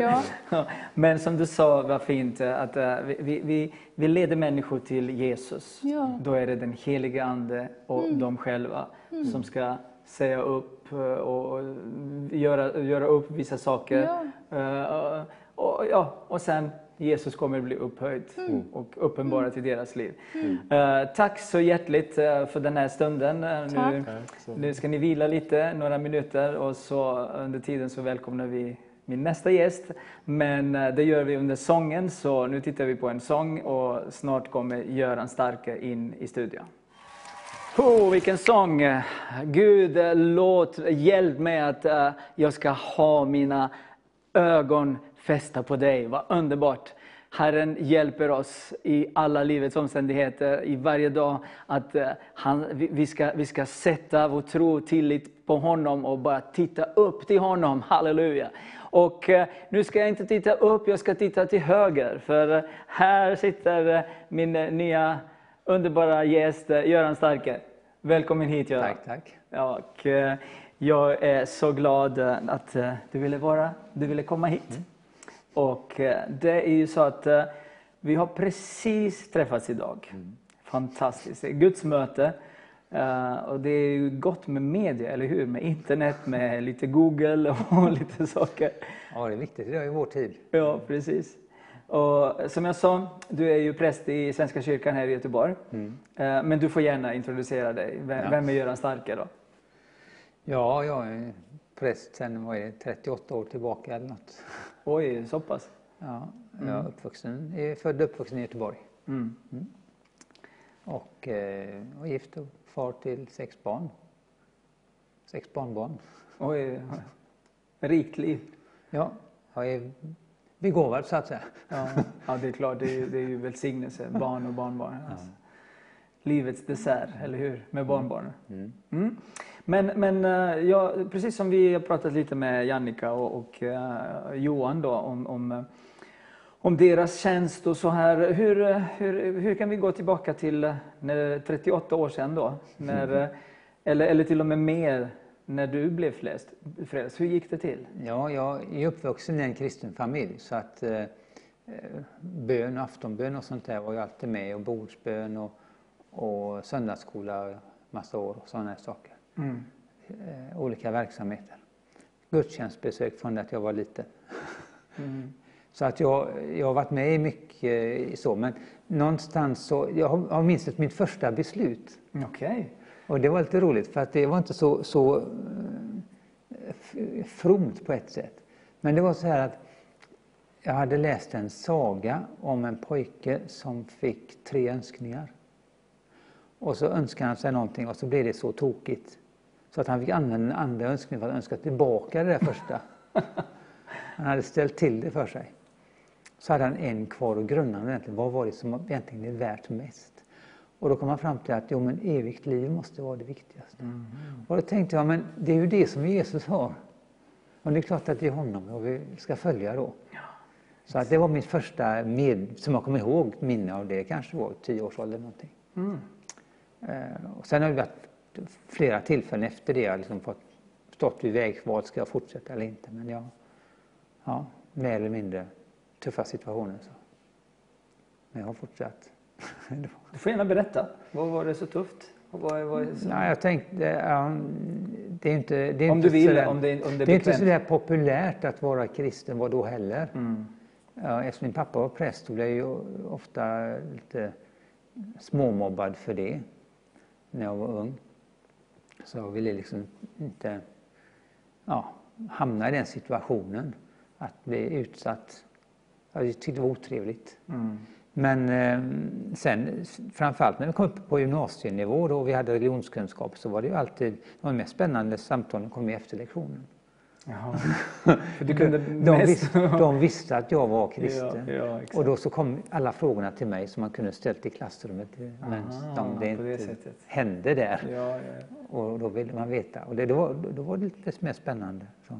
Och sen, då vidgades också min, min bild ganska mycket från min svenskkyrkliga miljö till andra um, möten med andra riktningar. Och fick många goda impulser och, fick möta det fanns liksom ingen frikyrka i vår närhet när jag växte upp så att det, det kom sen då. Men, ehm, och sen mötte jag också eh, en, en, en kritisk punkt så reste jag till Tanzania när jag var 20 år och gått ut gymnasiet och liksom, ja, funderat på, ja, håller det här tron? Mm. Och då fick jag bo hos olika missionärer där under en fyra månaders period. Och det fanns eh, en del inspirerande människor, speciellt en av dem, Anna Pettersson från Tjörn. Så en, en, ja, och den väckelsen som fanns där också i Tanzania. Det var spännande att, Mm. att se och uppleva att de, de på ett sätt var rikare än vi. Att de är väldigt materiellt fattiga. Precis. Så jag fick en känsla av, lite av Afrika där. Mm. Och du ska prata mer om Afrika eh, lite längre fram, men nu, nu, vill vi höra lite grann om, eh, om, om eh, det här kallelsen till att, att vara präst. Eh, Du, du sa ju att du blev mobbad lite grann eh, och sen åkte du till Tanzania. Och vad hände i Tanzania när du kom tillbaka? Hur, hur, gick tankarna? Då, då gjorde jag lumpen Ja, som inskrivningsassistent. okej. Jag fick göra synprov på killarna som kom. Ja. Och då kommer de i, i kallingar, nummerbricka runt halsen, plasttofflor på fötterna och en perm i näven och förvirrade i blicken. Och osäkra och rädda, de flesta. Och då skulle jag ta hand om och liksom göra synprov på dem och så skicka dem vidare. Och, det blev på löpande band, 100 om dagen. Alltså jag gjorde 10 000 synprov. Oh. Eh, och det klarade jag inte av så bra. Så jag fick en stor förståelse för hur mekanismerna fungerar för om man är koncentrationslägerfångvaktare. Mm. Alltså man förstår hur man kan degradera människor utifrån på ett läskigt sätt. Jag upplevde alltså djup i mig själv som jag blev lite rädd för. Eh, och det, det ledde, ställde mig inför ett val. Jag måste, nu måste jag ju göra ett vägval här. Vart. Den miljön var en destruktiv miljö tyckte jag, lumparmiljön. Och eh, jag var tvungen att välja något. Och eftersom jag hade en kristen bakgrund så visste jag ju lite grann vad det handlade om att vara i kyrka och vara kyrka. Så då sa jag till Gud, ja, om du, du får ge mig ett tecken, tydligt tecken att Jesus blir mer närvarande, reell för mig, mm. så kan jag tänka mig att börja läsa till präst, börja läsa teologi. Så då började jag med detta i bakhuvudet. Och så läste jag i några år. Och hade inte så bråttom att komma ut nej, nej, nej. Men vad, vad var tecknet? Vad var tecknet?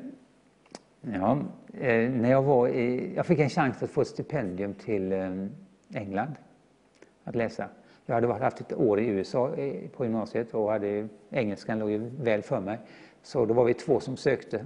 Ah, okay. Av alla teologistudenter var det två som sökte en, en, en termin gratis i England, i Oxford. Och jag fattade inte hur folk dumma de kunde vara och inte satsa på det, men tackar jag ju för. Så eftersom jag kunde mest engelska så jag som fick åka.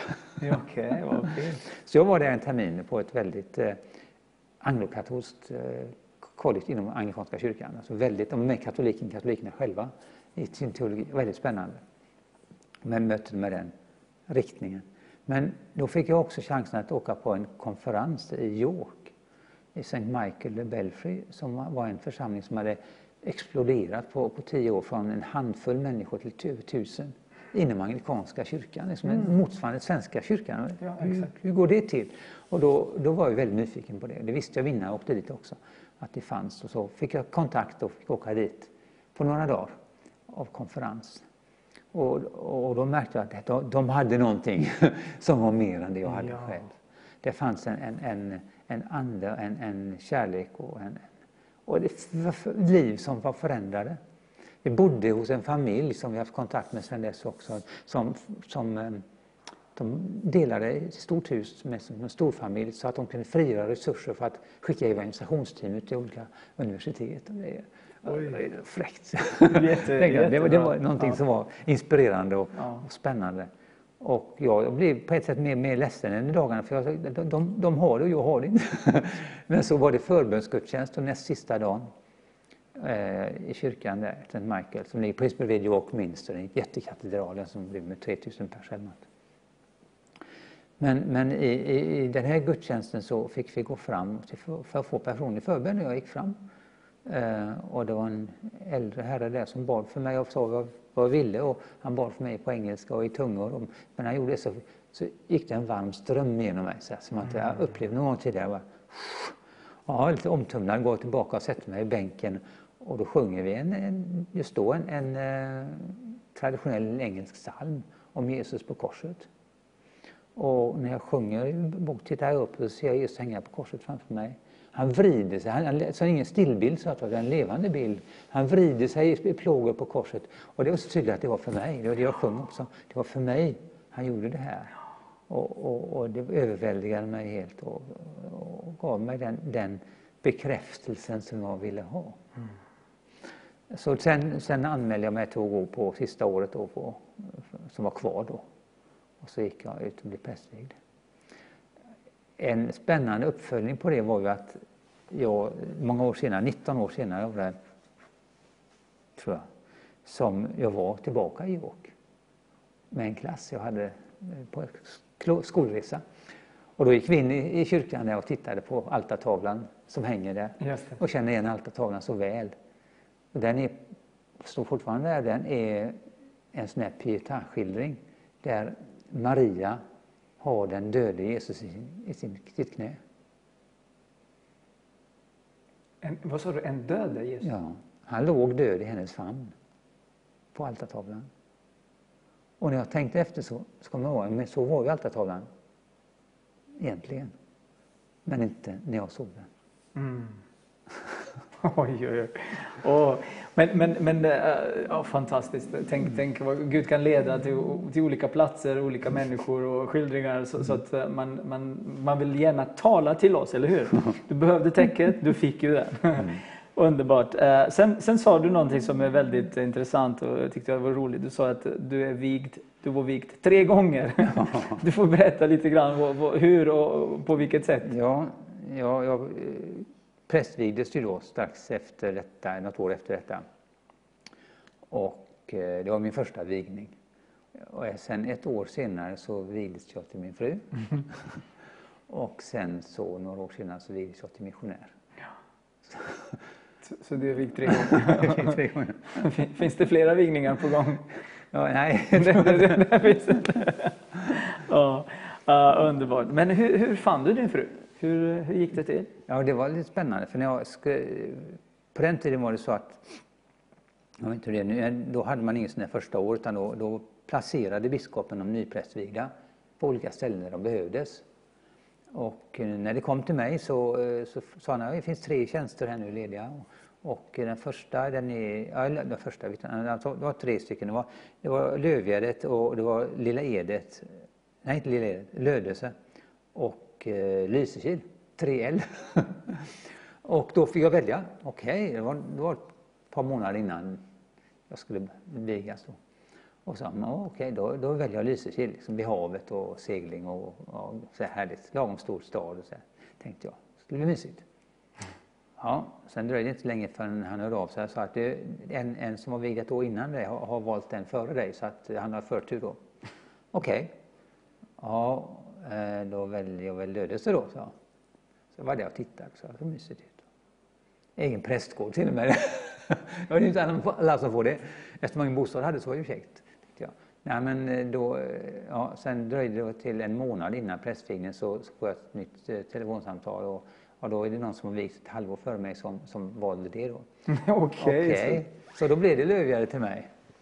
Ja. Det var liksom inte mitt val men det, dit Gud placerar mig. Precis. Och då fick jag gå och skaffa en lägenhet så gick jag till bostadsbolaget och när jag efter studien var slut och hade några par veckor kvar till, till vigningen så, så går jag dit och får nyckel till en lägenhet i närheten och så, så, tar, så går jag och tittar på den och sen så går jag och ser hur långt är jag från, från kyrkan nu. Mm. Ja, så jag gick, jag tog tre minuter promenera till kyrkan. Det var kanon tyckte jag. Nära och bra, jättefint. Och så kommer jag och tar i kyrkdörren så är den låst. Äsch då. Så vänder jag om så kommer en tjej där då, som jobbar i kyrkan. Så öppnar hon för mig och visar mig runt i kyrkan och berättar om den, hur de gjorde och så. Och sen åkte vi ner till, ja, jag tog med henne till lägenheten, vi var den då. Och sen åkte vi ner till pastorsexpeditionen som var i Angered centrum och så. Och visade mig det, för det var ju kontoret som jag skulle också arbeta på där. Um, och sen gifte vi oss. Nej, inte riktigt Men det var den, det var den tjejen Nej, det var den tjejen som ah. ett år senare gifte mig Okej, okej. Okay, okay. vi, vi blev arbetskamrater och jobbade ihop eh, och trivdes väldigt gott ihop.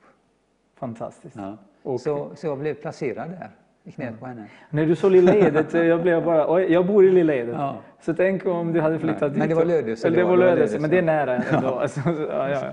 Nej men fantastiskt, underbart. Så, så det är ju, tänk att Gud har sina planer naturligtvis och sina vägar.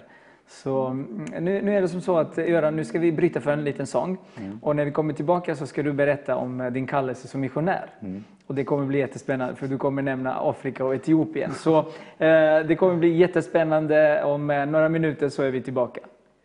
Här sitter jag med prästen från Svenska kyrkan här i Brunnsbo, kyrkan från Göteborg. Och eh, han är ju underbar broder och fantastiskt, vad roligt. Eh, han berättar om eh, just eh, trefaldiga vigsel, vigning.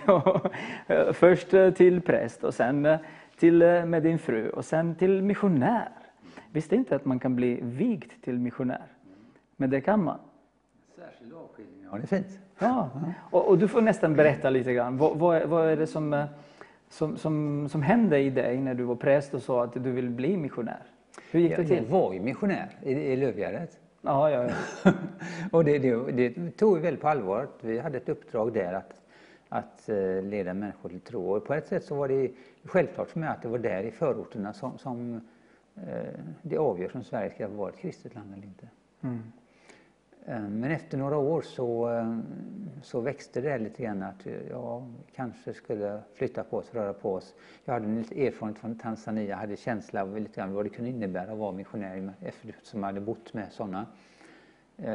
Och då tänkte, ja vi pratade om det lite grann. Och vid ett tillfälle så skulle vi skaffa oss en sommarstuga och ett, ett av skälen var ju att då har man någonting när man är hemma.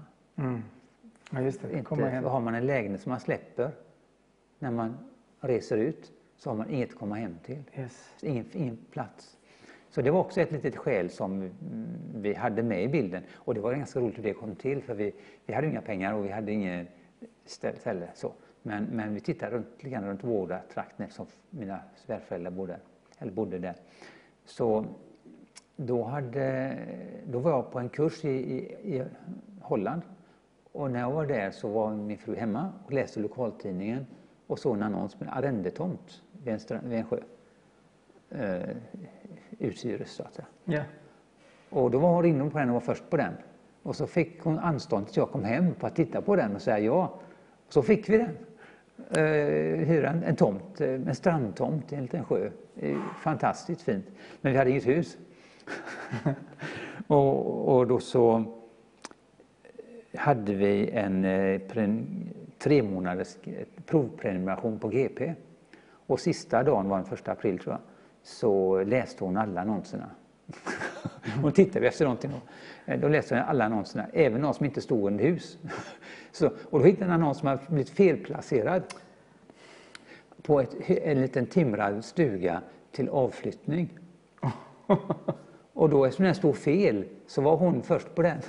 Oj, oj.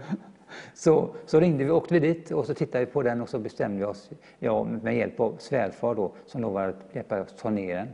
Och sen så fick vi bygga upp den. Då hade vi en liten bas som vi kunde ha. Så det började med det. Och sen efter ett, ett, eh, några månader efter den hade blivit uppförd så, så säger hon en söndagkväll till mig, jag vill inte flytta till landet liksom. Jag vill inte bli, hon vill ha en prästgård på landet och det vill inte jag. Så, ja, ska vi åka till Afrika? Nästa morgon så ringer jag till kansliet, kyrkokansliet i Uppsala och anmäler oss. Och då visade det sig att de har en sån antagningskonferens fyra veckor senare. Och vi blev direkt inslussade på den och eh, de intervjuade och så vidare och blev godkända som missionärskandidater för EFS. Eftersom hon var EFS-are så blev vi kopplat till EFS. Eh, och ehm, sen gick det över ett år innan det kom någon lämplig tjänst ledig. Därför att vi vill, prästtjänster var nästan alltid sådana att man var kringresande över ett större, större område, vilket betyder att man var borta många nätter. Och det ville inte hon, jag förstår det, för då hade vi fyra barn. Ja.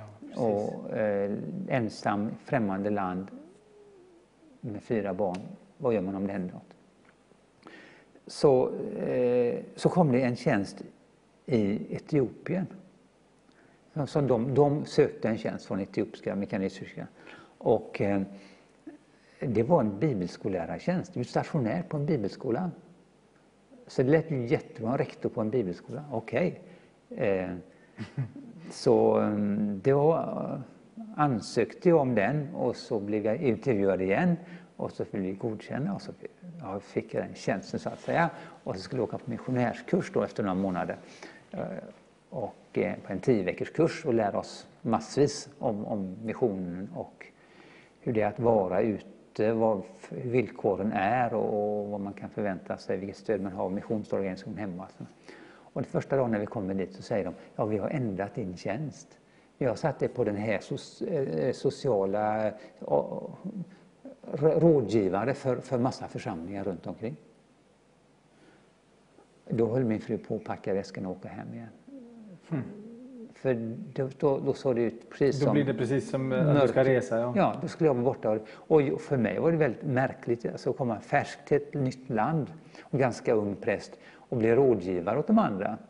Det, det kändes som en liten mismatch så att säga.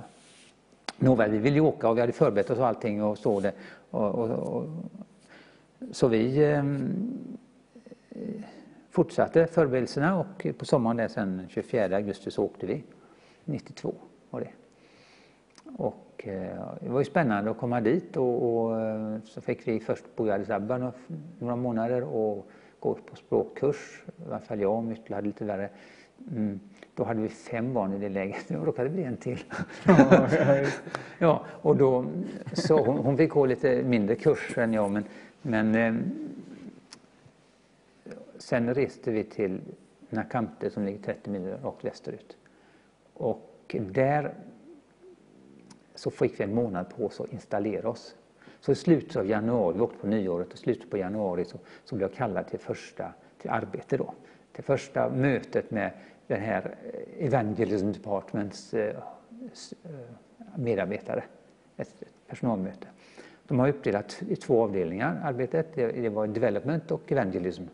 Så alltså det som kallas för främjande, landet här i svenska kyrkan, det är alltså evangelisation. Det är det vi är här för. Mm, absolut. Ja, så att det, det fick ge namnet. Yes, säger du bara. Precis. Ja, och då, och då satt vi och så gick vi runt, laget runt lite och, och säger en präst nu, nu får du nog jag har tre jobb här. Jag jobbar med TI, eh, distansutbildning på teologi.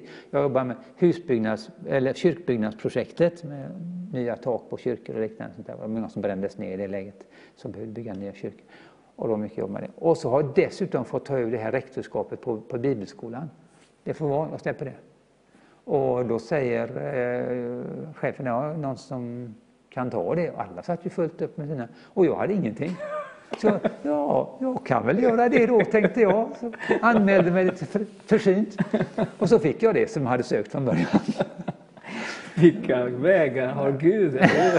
ja, och jag tror att min fru var den som blev nästan lika glad som jag. Ja, det är klart. För det var det jag ville, jag tyckte det var väldigt roligt. Och det ledde till en period på fyra och ett halvt år, otrolig spänning och spännande liv. Något, eh, höjdpunkten på alla sätt i mitt liv egentligen.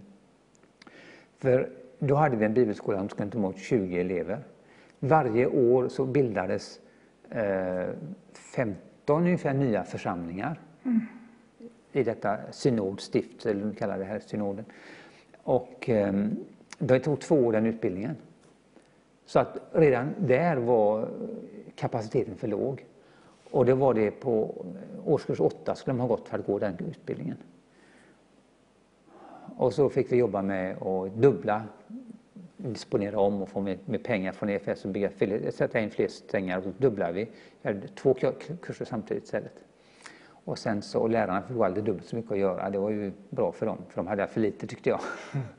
Och sen så såg vi att vi, det här räcker heller inte, utan vi måste ha mer. Utan, eh, då startade vi en bibelskollärarutbildning. Och så startade vi nio nya kontraktsbibelskolor ute i, i olika kontrakt. Så alla fick göra sin egen bibelskola. Och så tränade jag lärare till det eh, tillsammans med mina kollegor. Så vi har en extra utbildning där. Och sen efter det så och då körde vi också en developmentkurs parallellt för de som utvecklingsämnena som vi också tränade om folk Och i och med att vi gjorde detta så kunde vi få ett SIDA-projekt med pengar till att bygga ut skolan. Mm, exakt. Och då byggde vi ut den och samtidigt så var det på gång att, att höja nivån från bibelskola till eh, diplomkurs på universitetsnivå. Oj. Och Bibelskolan var just en, en yrkesutbildning där. Det är en evangelistutbildning. De är frivilliga evangelister innan. De går på Bibelskolan och sen så anställer församlingarna dem som evangelister. Mm. Och det är en tvåårig bibelskola, så att det var teologiska ämnen hela vägen. Och sen om de sköter sig bra och de mognar så, så kallas de av församlingen till att bli präster för dem. Och så går de en kort kurs och så vigs de till präster. Så att det är egentligen en prästutbildning, kan man säga. Ja, precis. Eh, men i och med att utbildningsnivån höjs i landet så behöver man också följa med i kyrkan. Och i stadsmiljöerna speciellt, där många utbildade finns. Då, då ville de på seminariet i Addis Abeba, som, som hade både diplomakurs och teologikandkurs, ville släppa diplomakursen till bibelskolorna ute i landet mm. och själva koncentrera sig på högre utbildningar. Och eh, då krävdes det tre lärare som hade teolkand minst för att undervisa på nästa nivå, alltså under diplomnivå. Och då fanns det bara tre i hela synoden som hade det. Och en var du? En var jag. Och så jag var ju där redan, så det var okej. Men de andra två, det var presidenten, alltså motsvarande biskopen, och eh, exekutivsekreteraren. Och de, hade ju sina, de ledde ju hela synoden, de kunde ju inte lämna det. Eh, men då hittade vi en lösning. Nakamte församling hade skickat två elever till seminariet på, på Teolkankursen. Och de gick på en fyraårig kurs och var strax klara. Och de var toppelever, nummer ett och nummer tre i klassen. Liksom. Mm. Eh, så att, då gjorde vi en deal med Nakamte församling. Vi sa, får vi ta dem till att, att, att jobba som lärare hos oss så vi kan starta colleget så kan vi ge er fyra gratisplatser till, till den här nästa nivå, alltså nivån under. Och de gick med på det. Så då kunde vi starta det här. Det var lite andra kvalifikationer också. Vi byggde ut skolan och vi fick komma igång den kursen. Så sista året så undervisade jag på diplomakursens första årskurs. Och när vi var tillbaka för två år sedan så, och då hade vi liksom en sån kurs. Då hade vi en årskurs två bibelskolan. Årskurs ett gjorde man ute på kontraktsnivå. Och då hade vi, första året hade vi 96 elever istället för 20 på, på kontraktsnivån på årskurs ett. Så de fick, Alltså varje församling behövde ju ha åtminstone en som hade någon slags utbildning. För att om man bara läser sin bibel själv och inte har balansen mellan olika ställen, då kan det leda väldigt fel i en väldigt stark karismatisk väckelse och rörelse. Ja, så att vi återkommer till det. Men det var väldigt viktigt att få någon slags stadga i detta och en, en, en, en, en sund teologisk grund och plattform att stå på. Så därför var det så viktigt det här, att få, få igång det här programmet. Så det, det var oerhört roligt. Jag, förutom att jag var rektor så, så hade jag minst lika mycket undervisning som alla de andra. Plus att vi byggde ut skolorna. Och jag var byggledare för ett hus också därför att våra byggare inte fanns i närheten och vi behövde huset för att kunna starta den här kursen. så då byggde vi ett med soltorkad lera och det huset med lite egna varianter. Du vet, afrikanska hus kan bli ganska heta inuti med plåttak och grejer. Mm, mm, mm. Men jag kom på en variant, ett tygtak inne sån här. Och så, och så målade vi det. Och så hade vi, lyfte vi takpannorna översta, eller takplåtarna översta så att det blev luft så, ja, det. Där, att det blev en luftspalt så här, att släppte ut den varma luften där ute och in där nere under taket. Så att vi fick en cirkulation. Och så det blev ett jämnt klimat i, i det huset. Och väggarna, som de tjock lera, de så sög och lämnade fukt. Så att de höll luftfuktigheten bra nivå och temperaturen bra nivå. Så det huset fick vi använda till sjukstuga. Mm. det, det var bästa stället för, för de skulle hämta sig när de blev dåliga. Mm. Du vet, när du berättar om, om, om utbildningen i Afrika och så här, mm. jag, jag, jag, jag, minns ju jag, jag höll ju eh, ledarskapsträning för pastorer, 28 pastorer där nere i, ja. i Uganda. Och det är ju mest människor som, eh, som bor i, i, på, i byarna. Ja. Så, så de, de blir frälsta och de startar församling men de kan varken kanske läsa eller kan bibel och så. Så jag visste inte det, det här bakgrunden. Så jag kom ju fram till eh, och, och slutet av varje utbildningspass så ville pastor, han, koordinator, att jag ska fråga fem frågor. Mm. Lite om Bibeln för, att, för att se kunskapen. Om, mm. ja. Och, och, det gjorde jag, uh, fem, fyra, fyra gånger fem, 20 frågor. Mm. Och jag minns ju en pastor inte, hade inte en enda rätt. Mm. Och 20 frågor. Mm. Och en, eh, droppen var ju när, när jag frågade lite, alltså jag visste inte vad jag ska fråga. Så jag frågade mm. hur många lärjungar hade Jesus? Mm. Och jag tänkte alla måste kunna det. Så han kom fram och så sa han två. Har du inte läst Bibeln? Så, ja, ja, det är Petrus och Johannes. Inga andra? Nej, det var bara de två. Så jag tänkte, vad fantastiskt att det finns ju sådana olika kurser, det finns mm. möjligheter, det finns bibelskolor. Mm. För folk älskar Jesus, mm. men dessa speciella platser, byar, de får inte den här utbildningen som vi har här i väst. Så det är väldigt viktigt det här mm. arbetet. Finns det fortfarande någonting i Etiopien som Svenska kyrkan stödjer just nu? Ja, det blev ju lite skifte mellan Svenska kyrkan och Mekanesuskyrkan eh, på grund av homosexfrågan. Men, eh, så de, de bröt kontakten från, från eh, Etiopiens sida. Men EFS har fortfarande kontakt och har missionärer där. Eh, dock inte alls så många som på vår tid. Nej. Och kyrkan står ju mycket mer på egna ben. Det var ju en, en, det är en ganska starkt evangeliserande kyrka som, som när vi var där hade 2,3 miljoner medlemmar. Och då hade de vuxit från 20 000 1959. I Etiopien? Ja. 20 000 till 2,3 miljoner på 92 år. Och nu är det över 9 miljoner. Helt otroligt. Och då växer befolkningen fort, men det här växer alltså mycket fortare än befolkningstillväxten. Eh, så, och jag blev jättenyfiken, varför, varför växer den? Visste jag ju innan att det växte, så jag, jag var nyfiken, varför växer den? Mm, mm. Vad är det som är annorlunda där än här? Eh, och det finns ju, ja, det är en karismatisk väckelse, men det är inte alltid någon, ibland är det tecken och under som, som, som avgör eh, om människor kommer till tro, men inte alltid.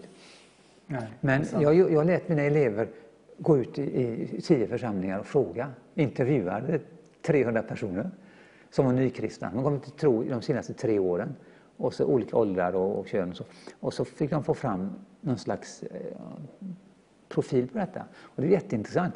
För att de flesta kom, fick höra först om Jesus genom någon de kände. Familjemedlemmar, släktingar, grannar, vänner. Så.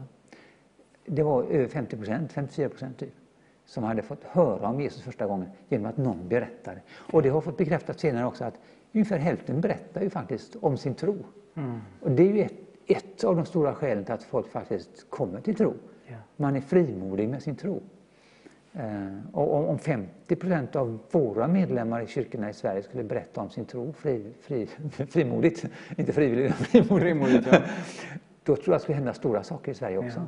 Ja, ja. Ehm, Sen den andra saken, hur de kom till tro, hur de tog ste- steget till tro.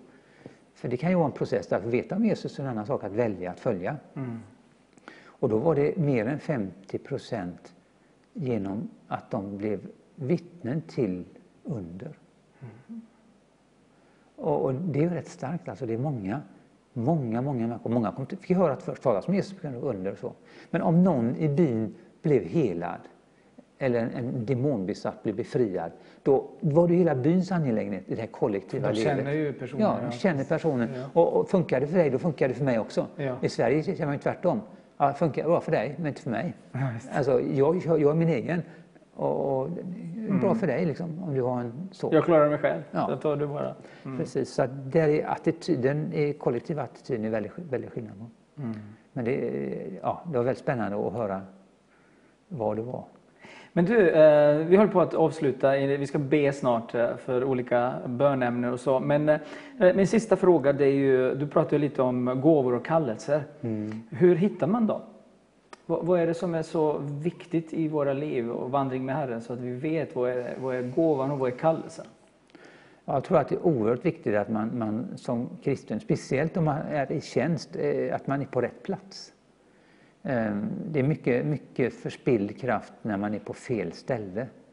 Och det kan vara statusskäl eller eh, andra skäl. Det har varit rätt roligt ibland att se att vissa tjänster i kyrkan känner sig så många kallade till. Eh, Medan andra tjänster ingen känner sig kallad till. Som till exempel den i Lövgärde. Var ingen som vill ha den tjänsten. Så ingen känner sig kallad till den. Men i innerstans församlingar, då var det alltid många som sökte dem, kände sig kallade. Så, så jag tror att det, det, det handlar väldigt mycket om att man verkligen prövar vad, vad är mina drivkrafter egentligen? Och vem är jag? Vad, hur, hur har Gud skapat mig och kopplat upp mig? Det finns väldigt fina, fina redskap nu för tiden, sådana små verktyg för att skatta och undersöka gåvoupptäckande på olika sätt. Det finns flera olika böcker som har små tester. Och jag har gjort såna, många olika sådana och, jag hamnar åt samma håll hela tiden. Det blir väldigt tydligt att mina gåvor är, är åt, åt undervisning och ledarskap. Och, och det är det hållet som jag det har lett mig till hela tiden också. Precis, ja, ja. Och fått vara rektor där och fått vara kyrkoherde ett antal år i, i BV i Uddevalla. Och, och, och, och nu som pensionär så hamnade jag, jag blev efterfrågad på, på att fylla ut en liten roll i Brunnsborgskyrkan. Och efter ett tag så, så fattades någon i, i Backas arbetslag. Då, fick, då, då slogs de ihop och då fick jag kliva in och ta det större ansvaret igen. Liksom, På något sätt. Ja, men okej. Och, och, och nu när, när coronan kom här så och allting liksom bara stängas ner och, och verksamheter förändras. Vi bara tänka om. Samtidigt som jag fick den uppgiften så gav det en reflektionsperiod. Jag fick fundera på vad är nu min kallelse i uppdrag i det här? Just det. Och då blev det väldigt tydligt för mig att det är att jobba med vår församlingsstrategi. För vi har inte varit så duktiga på senare år att, att bli fler, snarare en krympande församling. Och då, ja, men, och, och då lärde man något väldigt fint i det. Att det är inte hängivenheten hos enskilda präster, pastorer eller andra medarbetare som avgör om det växer eller inte. Utan det finns en, en annan sak, nämligen skickligheten i att bygga församling. Mm. Och det är en egen ämne så att säga. Va? Eh, som vi inte har undervisat om någonting. Jag, jag har inte fått någonting i min, i min, formella utbildning. Men jag har sökt mig till sådana kurser och, och böcker och sånt. Va? Och försökt lära mig av andra. Men det är självklart att har man inte det som ledare så skapar man inte den, den miljön där alla drar åt samma håll och man får se att nu händer det någonting. Mm. För anden är här. Yes. Om, om, vi har duktiga medarbetare som kan sina grejer. Men man kan inte dra åt massa olika håll eller bara se sin egen verksamhet som en ö. Utan för en församling är ju att vara en kropp, en mm. organism som hänger ihop. Precis, och det är det som vi har pratat uh, ja. hela kvällen med. Att uh, vi, vi, vi är kallade som kanal, som kristen kanal, att uh, bygga broar. Mm. Och det gör vi så gärna. Och du som tittar, du som bor kanske i Göteborg eller runt omkring, besök Brunnsbokyrkan. Fantastiskt, underbar plats. Göran är präst där och stötta honom och församlingen, be för Brunnsbokyrkan. Din pappa har byggt den här underbara kyrkan. Kom bara dit och ni kommer att få, få se hur fantastiskt det, det Byggnaden är ju underbar.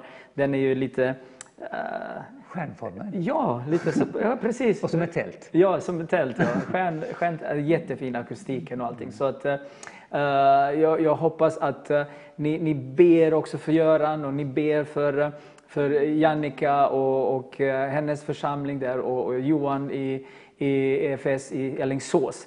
Nu är det som så att uh, vi ska ju gå över till bönen och, och jag uppmanar dig att uh, skriva dina bönämnen. Och det är så mycket som, uh, som händer runt omkring oss men nu är vi här underbara syskon från Svenska kyrkan, från EFS, vi här och du där du är. Du, vi ska ju lyfta upp namnet Jesus. Och det kommer bli så fantastiskt. Varenda gång vi gör det så kommer den helige Ande över oss här i studion. Och så känner vi att ni blir berörda och att Gud rör vid dig personligen. Så eh, skicka gärna bönämne så på sms eller på Facebook här, så ber vi snart igen. Nu bryter vi för en sång. Eh, Göran, tack så jättemycket för den här stunden. Eh, tack att du ville komma och dela detta fantastiska, underbara eh, vittnesbörd om, om, om hur Herren ledde dig och din fru och barnen och allting. Det här, det, det, där inga människor kunde fixa det, men Gud kan.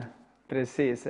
Så tack så mycket. Och nu bryter vi för en sång. Efter sången så är vi tillbaka allihopa och så ber vi för dig. Amen, amen. Välkommen kära vänner till eh, den här bönestunden när vi tillsammans sitter här och eh, verkligen eh, förvänt, förväntansfullt väntar på, på Jesus, på att, vad han ska göra i våra liv, genom oss och genom dig. Och att han kommer att vidröra dig och oss också här i studion. Herren är med oss och jag känner mig privilegierad att sitta med Guds folk med präster från Svenska kyrkan, från EFS, tillsammans i den här studion och bara lyfta upp namnet Jesus. Och jag bara älskar den här synen som jag ser i min ande.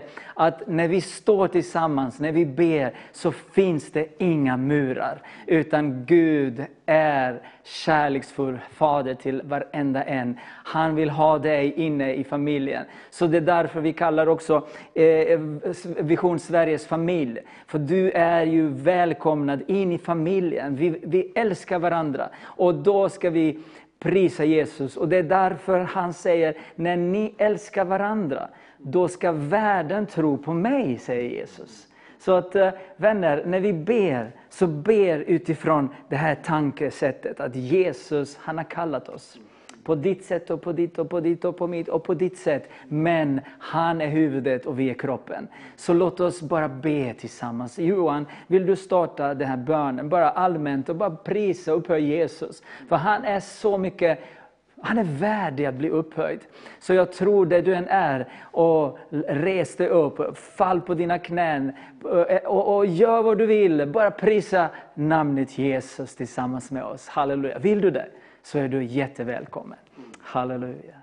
Amen. Tack ja, vi tackar dig, himmelske Fader, Tack, Jesus. i Jesu namn och i den heliga Ande. Jag tackar dig för det bönemöte som vi nu får starta upp, Herre. Vi sitter fyra personer här, men det sitter flera människor på olika håll, Herre, utöver vårt land, Herre.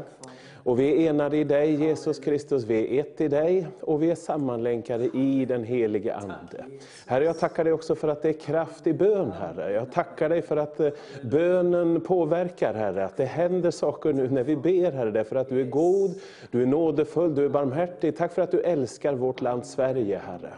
Och jag bara tackar dig för att i den här oroliga tiden, Herre, i den här pandemin och allt annat som händer nu, Herre, när så mycket skakar under våra fötter, Herre, så är du densamme. Du är klippan, Herre.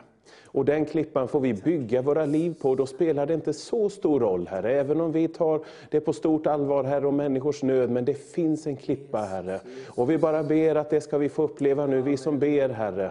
Att, eh, att det finns en klippa under våra fötter, att det finns en trygghet i den heliga Ande. Det finns till och med en ton av glädje i den heliga Ande.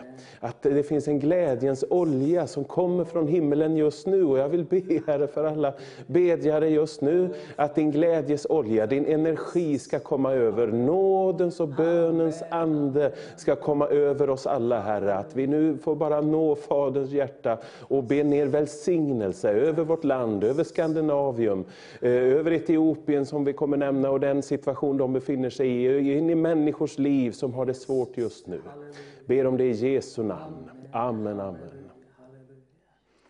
Åh Jesus, vill du fortsätta Jannica? Halleluja. Ja, vi tackar dig Jesus för att vi får tillhöra dig. Tack för den nåd och välsignelse som det är.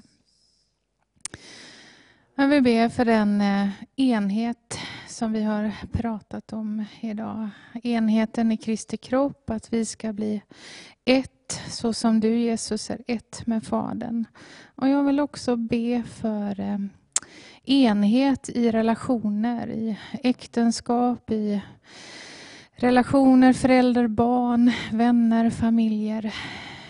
Vi vet att, eh, att det är svårt och vi vet också att, att det finns krafter, att det finns eh, att den onde också vill eh, splittra och förstöra och skapa oenighet mellan människor. Försvåra för oss att älska varandra. Men det är vår Eh, kallelse djupast sett, att älska dig och att älska varandra. Så vi ber om, om hjälp och kraft att göra det. Kanske särskilt i den här tiden när, vi, när trycket och ja, situationen är så svår och då är det också svårt att vara generös och vara tålmodig och, och älska på det sättet som du vill. Så vi ber om kärlekens ande att du ska komma med mycket kärlek och, och enhet så att vi kan vara ditt folk och finnas för varandra i denna svåra tid. Jag ber om ditt beskydd över familjer och äktenskap som kanske kämpar på olika sätt just nu. Att du kommer med, med läkedom och kärlek och att du tar bort eh, högmod och ja, sår och saker som står i vägen. Att du läker det som är trasigt och gör någonting nytt. Det ber vi om Jesus.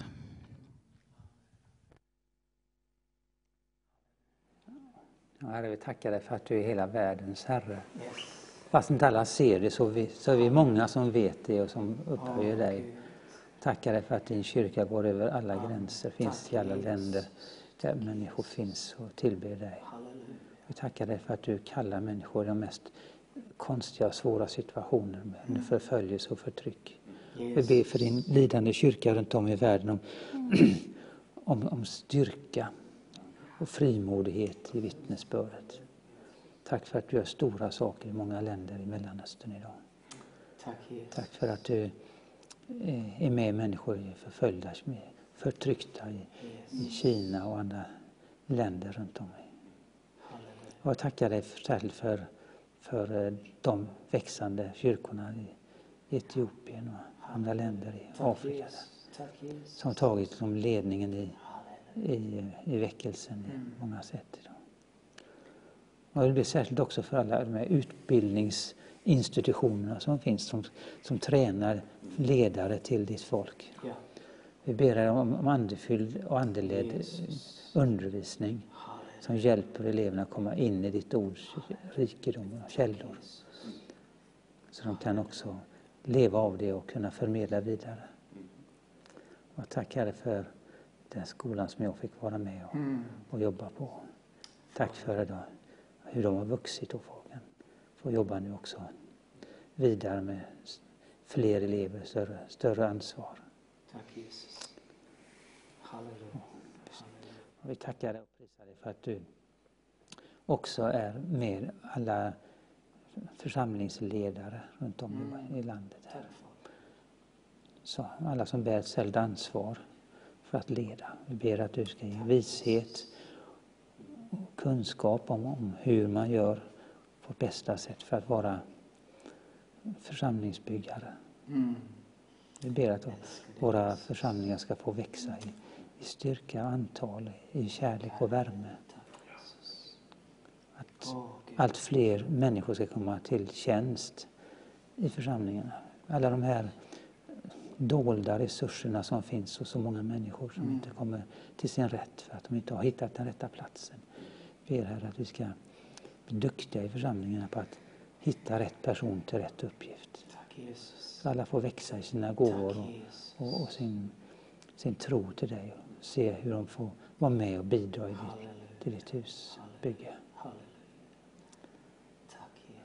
Tack för att vi får be om din ledning i detta. Tack Jesus. Fader, jag tackar dig för den här kvällen. Jag vet Jesus att eh, du sitter på din tron, men du tronar också på lovsången och tillbedjan. Du tronar bland oss när vi lyfter upp ditt heliga namn. Så är vi glada, vi är ett med dig Jesus. Tack helige Ande att du lyfter upp vår tro. Åh Jesus, jag ber att vi ska lyfta vår tro, titta på dig och bara gå med dig. När vi ber för människor, när vi förväntar svaret, då vet vi att vi kan inte göra det, men Herre du kan göra det. Så använd våra händer, använd våra munnar, våra ord. Jag ber Jesus att du skapar den här kanalen som kallas för en helig kanal till människors hjärtan, till människors kroppar. Att du helar, du upprättar, du styrker dem i Jesu namn Fader. Men du frälser också människor ikväll. Jag tackar dig Jesus för mina vänner här i studion. Jag tackar för alla underbara vänner och eh, våra förebedjare och partners som ber tillsammans med oss den här kvällstunden så vill vi tacka dig Herre. Vi vill upphöja och be för underbara människor som har skrivit ner deras bönämne. Halleluja. Tack Fader att du hör, att du hör och du svarar när vi ber. I Jesu namn. Halleluja. Johan, nu börjar vi med bönämnena. Så Monica skriver så här, be för mig så uh, jag, jag, som känner det som att jag nästan tappat min tro behöver känna Herrens omsorg och att uh, nummer ett få ledning av Herren. Är, to, är, allt är total förvirring i mitt liv. Halleluja.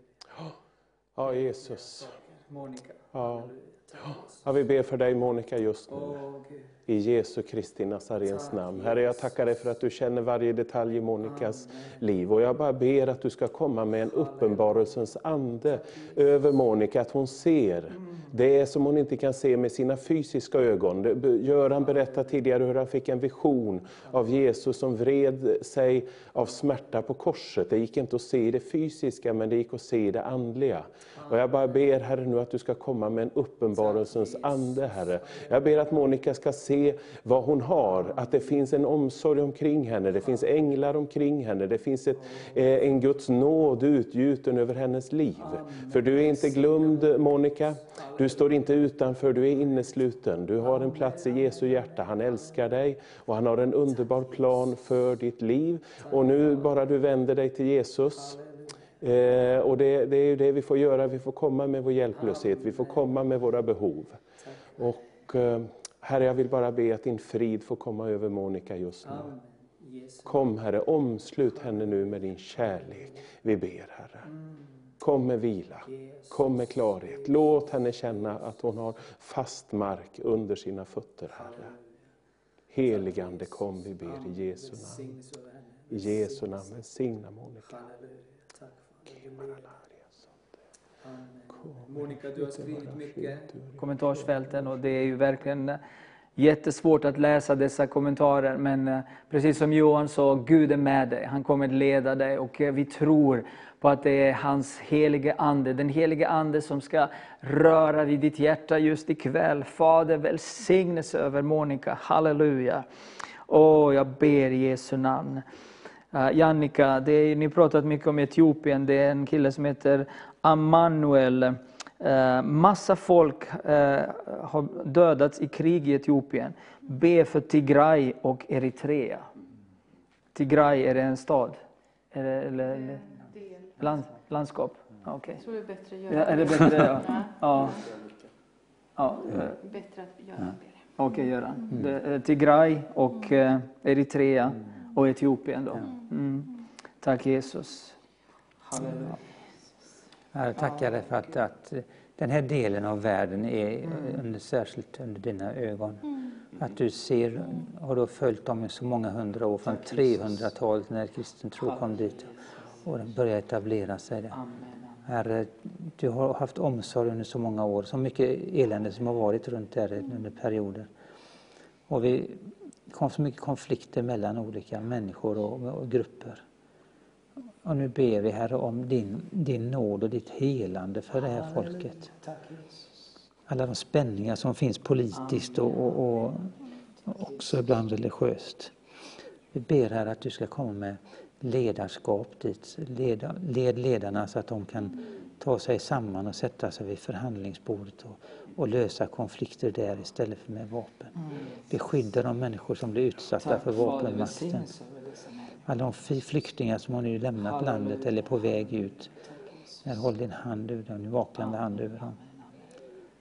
Och Herre, jag ber att det ska bli en, en folkrörelse mot att kriga och istället för att hitta lösningar tillsammans. Herre, kom och välsigna ditt folk där. Halleluja. Tack Jesus. Jannica, det är ju Ehm, Gunilla som skriver så här. Relationsproblem med mina barn, med familjer och med min man. Alla behöver få möta Jesus. Att eh, Guds plan ska fullbordas. Så Gunillas eh, barn, familjer och med en man. Halleluja. Ja. Tackar dig Jesus för Gunilla. Tack för den eh, nöd som hon känner och hennes längtan efter att få leva i, i hela relationer till sin man och sina barn men också att de ska få en hel relation till dig Jesus. Jag ber att du ska svara på Gunillas längtan och hennes bön. Att du ska förbarma dig och att du ska komma till dem på det sätt som, som eh, passar dem bäst. Och kanske är det så att, eh, att det inte är Gunilla själv som, som kan vara den som eh, visar på vägen till Jesus, utan att det behöver komma andra människor, kanske särskilt till barnen.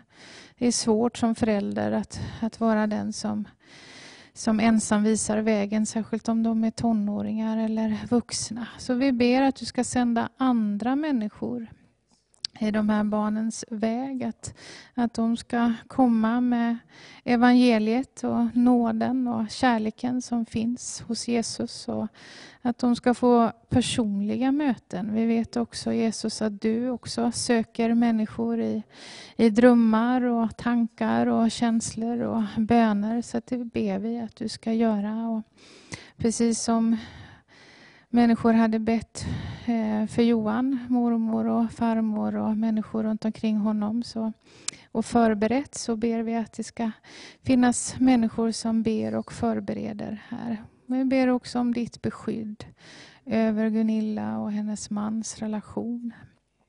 Att du ska föra dem närmare varandra, att de ska få en större kärlek till varandra, att de ska få se på varandra med dina ögon och den kärlek som du har till dem men också att de ska få se på varandra på ett nytt sätt.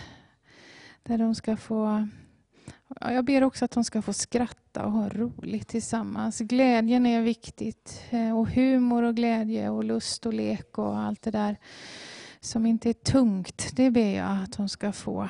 Att de ska få känna mycket glädje tillsammans. Amen. Mm. Anita skriver eh, lite eh, uppbyggande. Tack att eh, ni delar så uppbyggeligt. Tack. Jag önskar förbön. Jag önskar att Herren ska ge mig vänner som jag kan dela mitt liv med. Människor som vill vandra med Jesus Kristus troget. Och jag ger också 500 kronor Eh, som en gåva till ert arbete. Gud välsigna er. Halleluja. Tack Anita. Underbara syster. Jag, jag, jag, vill be för dig, för du nämnde ju mig i, i, i den här kommentaren. Och jag vill bara tacka dig Jesus för Anita just nu. Fader, tack att eh, du har en plan för henne och du ser vad hon skriver. Att eh, jag vill ha vänner och jag kan dela livet med, de som vandrar troget med dig Jesus. Så jag tackar dig att du hjälper Anita. Fader, jag ber att eh, folk ska börja ringa till henne. Och de kanske har glömt henne, men just nu så sätter du på oh, en ringklocka till människor runt omkring henne, som de kanske har inte hört av sig på länge. Men Jesus, de kanske vill göra det nu. Och det är det vi ber om. Far, jag ber om eh, människor som ska komma in i hennes väg. Välsigna Anita. Och tack för din gåva Anita. Tack för dessa 500 kronor. Gud välsigna dig och bevara dig och verkligen välsigna den här eh, gåvan som, eh, som du har gett till oss. Fader, jag tackar för allting i Jesu namn. Halleluja, halleluja, halleluja. Tack Fader. Tack Fader. Mariestad är med och ber. Och, och uh, uh, Johan Viveka ville be för människor som lider av Alzheimers. Mm. För det är ju säkert uh, flera, inte bara den personen som hon skriver. Mm. Så Alzheimers och just den här sjukdomen. Mm. Halleluja. Vill du be för den här mannen?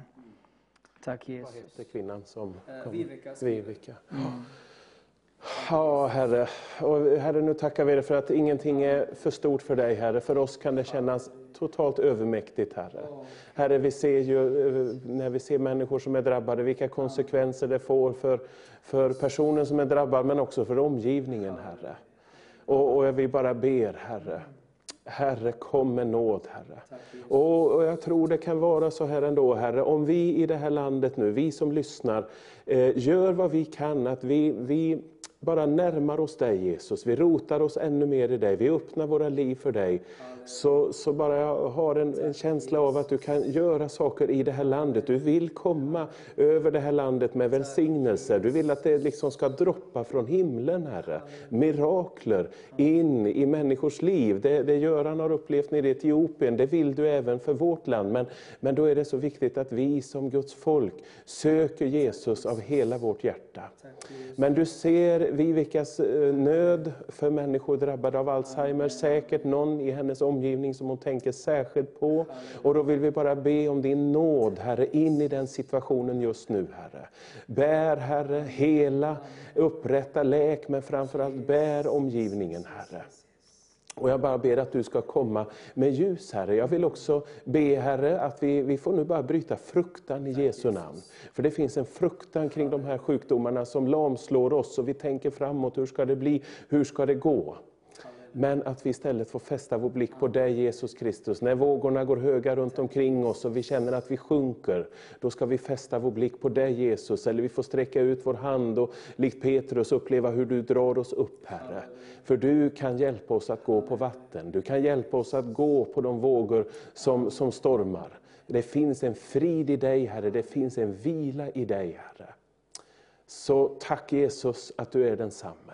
Tack att ingenting är omöjligt för dig Herre. Inget sjukdomsnamn är för skrämmande, eller för stort eller för omöjligt. Inte ens Alzheimer, utan Jesu namn är större än alla andra namn. Så tack Jesus, tack Jesus att ditt namn är över Alzheimer i Jesu namn.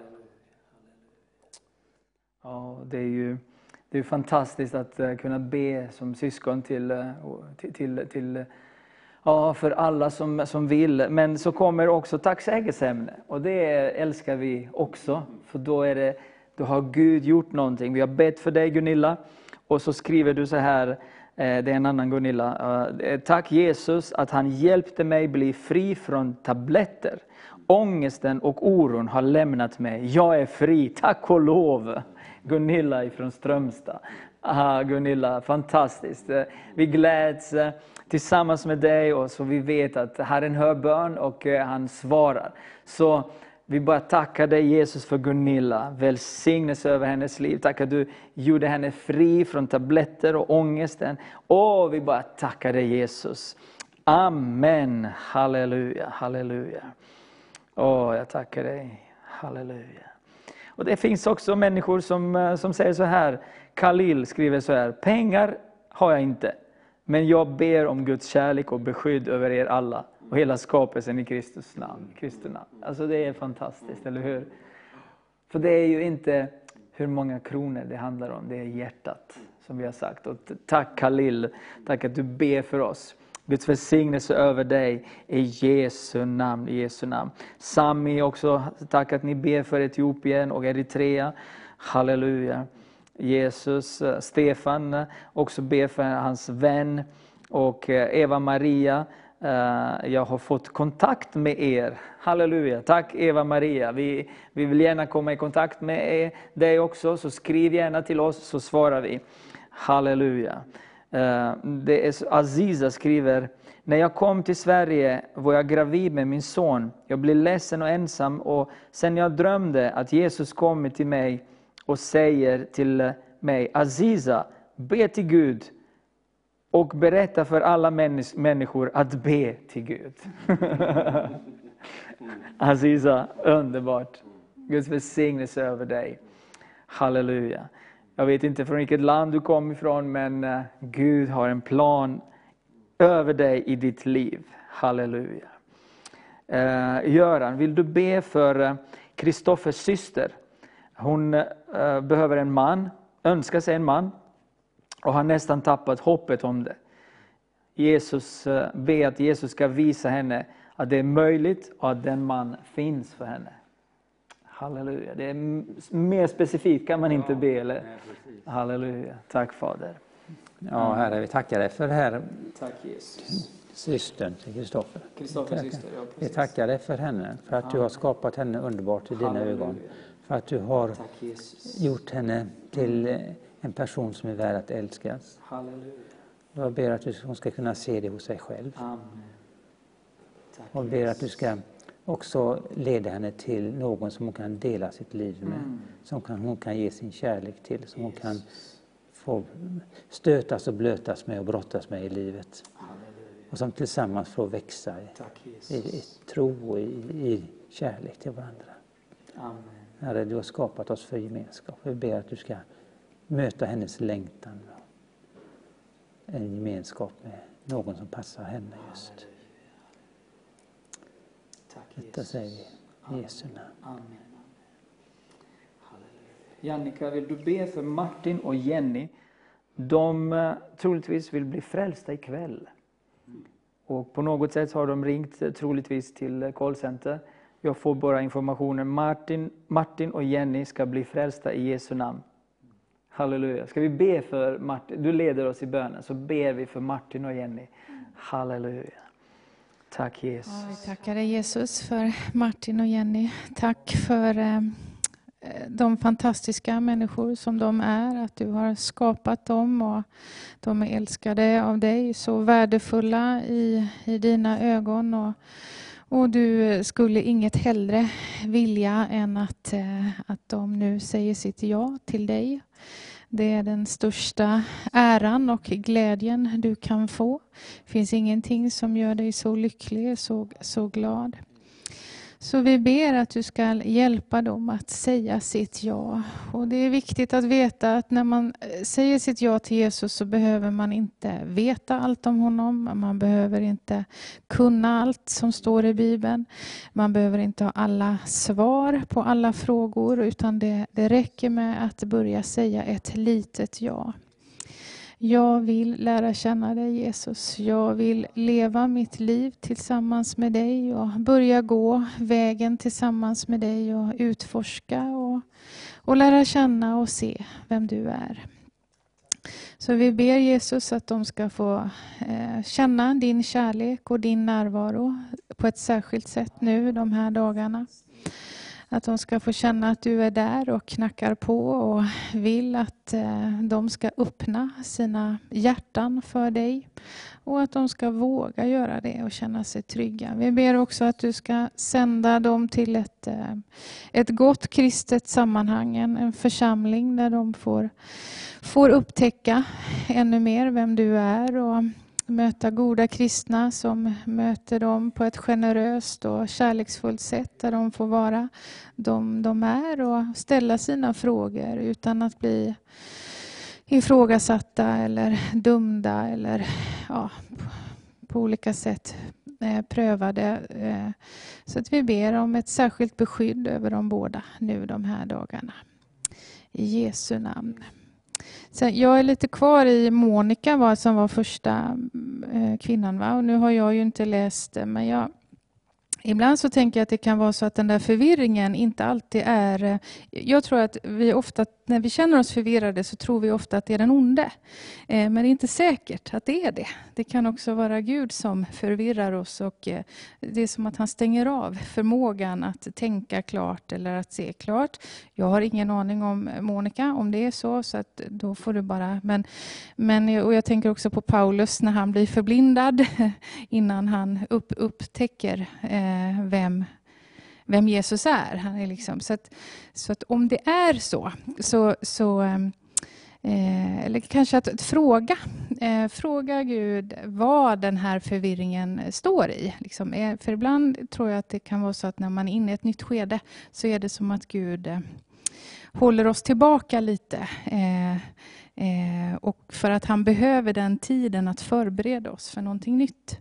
Eh, så, så pröva det och se om, om, eh, om det är nu så att du ska in i någonting nytt och, och du ser inte riktigt klart än vad det är för någonting. Och det, men det är inte heller meningen att du ska se det än, därför att han behöver den, i så fall den här tiden eh, där han får hjälpa att eh, eh, ja, skapa och forma och arbeta med dig. Så, och var inte så rädd, om det nu är Gud så behöver du inte vara så rädd för det utan bara vila och, i hans nåd och, och vara i det och så kommer han att visa. Det kommer att klarna.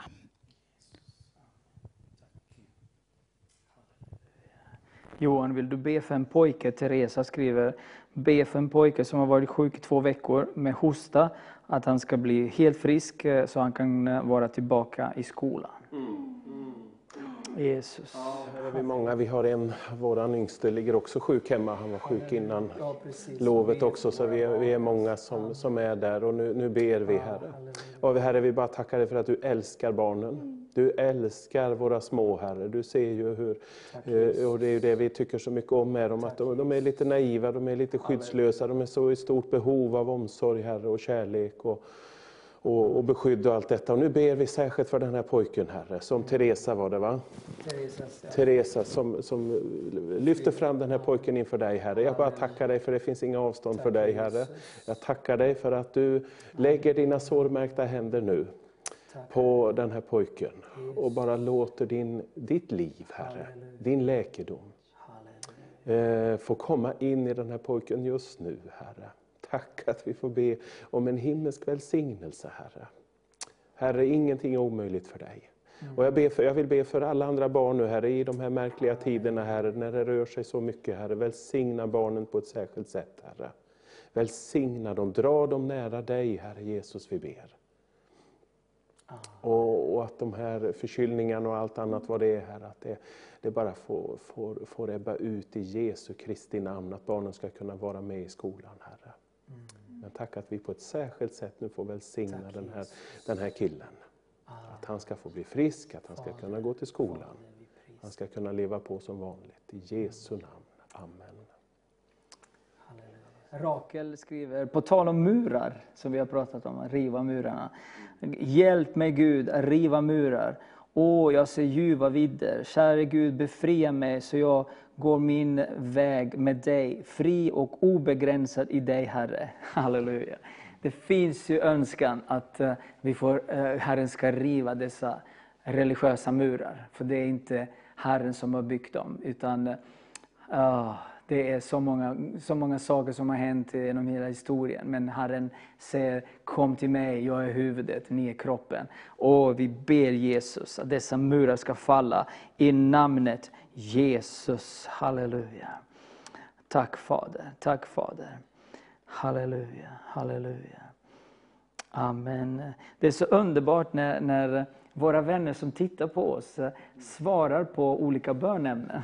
Så, så det är ju så, innan jag ens hunnit läsa så finns det folk överallt i hela Sverige som ser att eh, vad är det för bönämnen och så skriver de jag ber, jag ber, jag ber. Så det är så underbart och det är därför vi kallar detta som en familj, Vision Sveriges familj. Vi är tillsammans härifrån till där du är. Så det är sån här familjär känsla. Så det, är, det är så underbart att få göra på det sättet och be tillsammans.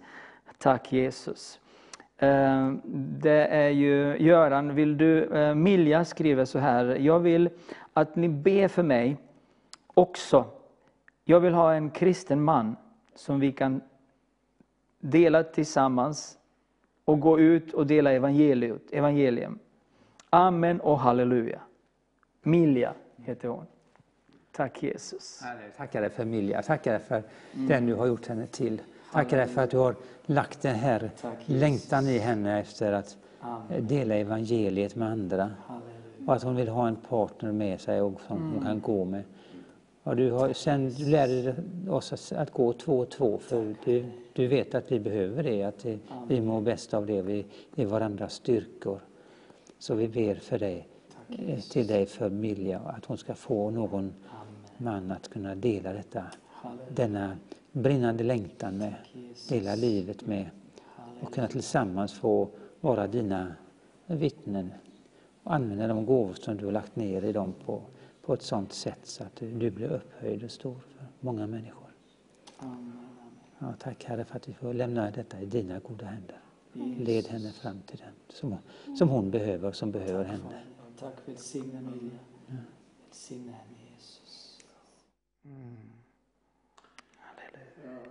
Sora, jag får lite ett ord här. Amen. Det står ju, alltså, ha din glädje i Herren, det är väl Psaltaren 37, vers 5 eller någonting. Ha din glädje i Herren och han ska ge dig vad ditt hjärta begär. Mm. Att det ligger en väldig kraft där. Alltså, Jesus säger, sök först Guds rike och hans rättfärdighet, eh, så ska allt det andra tillfalla dig också. Men, men det här, han, han vill veta vad vårt hjärta begär. Det var ju som jag berättade med Jannica och, och mig när vi hade det som mest knakigt. Det var omöjligt. Mm. Jag tror inte vi, vi visste, rent mänskligt får vi inte till detta, jag visste det. Men, men den här tjejen frågar, vad Jesus undrar, vad vill du att han ska göra för dig? Mm. Och så fick jag gräva djupt i mitt hjärta, vad är det mitt hjärta begär? Jesus vet vad våra hjärtan begär, men, men det är också att ha vår glädje i honom. För ibland sätter vi vår förtröstan till att andra ska be för oss. Mm. Och det är jättebra och det är en fantastisk möjlighet. Men, men det ligger en otrolig kraft, det förlöser så mycket när vi har vår glädje i Herren. När Jesus får vara nummer ett i våra liv, så förlöser det mirakler. Det sker det omöjliga och det är ju det Jesus vill. Han vill välsigna oss, men framförallt så vill han ha oss nära sig. Och i den intimiteten, i den närvaron så, så sker mirakler. Det kan omöjliga saker uh, ske. Så jag, mer inte som en fördummelse utan som en inbjudan att Jesus vill ha en, han vill ha en nära, intim relation med oss och i den så, så, så kan allting hända. Det är ingenting omöjligt. Mm. Jannika, eh, vill du be för eh, en kvinna som vill att vi ska be tillsammans med henne för en liten sjuk flicka. Även för hennes man som har en kallelse över hans liv, men nu uh, blir han uh, nu hamnade han på grund av en uh, men nu blir hämnad, hem, hämmad, hemma. Nu blir han hemma på grund av en sjukdom. De väntar och längtar efter nästa steg och vill ha förbön för att kunna vänta vist. Mm. Ja, det var lite svårt att läsa det här. Eh, men tydligen eh, en liten sjuk flicka mm. och, eh, och, och Carolinas man och kallelse över hans liv. Mm. Och sjukdomen. Jesus. Halleluja. Tack far.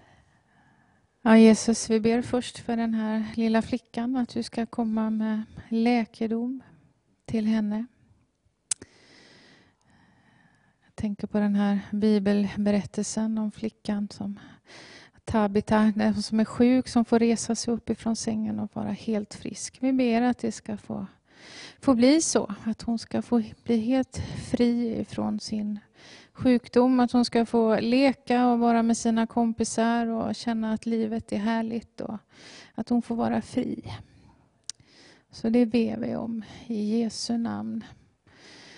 Och så ber vi också för maken där som nu är, är sjuk och som har en kallelse över sitt liv och en längtan och att de nu ska få hjälp att, eh, att ta hand om den här väntetiden. Jag tänker att hela den här tiden med covid-19 är på många sätt en, en fastetid, en väntetid där, där du behöver hjälpa oss alla att ta vara på den här tiden på rätt sätt. Och och jag tänker att, att vi ber nu att, att ni under den här tiden ska få uppleva Guds nåd på ett, eh, ja, kanske på ett nytt sätt. Att ni ska få känna påtagligt eh, Guds nåd och den enorma eh, kärlek som finns hos honom. Att det finns förlåtelse, försoning, upprättelse, läkedom.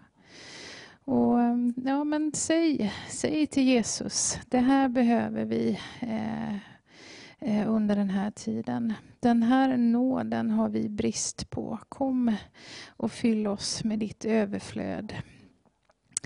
Så umgås kanske med Jesus på ett, på ett eh, särskilt sätt med hans kors och hans nåd den här tiden. Och, så att den får bli till välsignelse och inte till frustration och, och, och ja, trötthet och kamp. Utan, utan bjud in Jesus eh, i, era, i ert hem, i era böner. Var vid hans ord och sitt vid hans fötter och låt honom få betjäna er med sin nåd.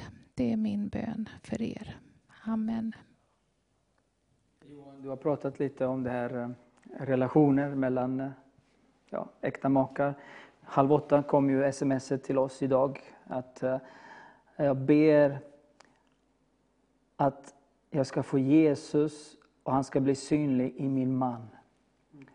Att han ska bli mindre hård och kall. Jag vill se Jesus i min familj och vår relation. Jag ber för min son och ett arbete. Jag vill se Jesus. Så det är ju någonting i familjen också.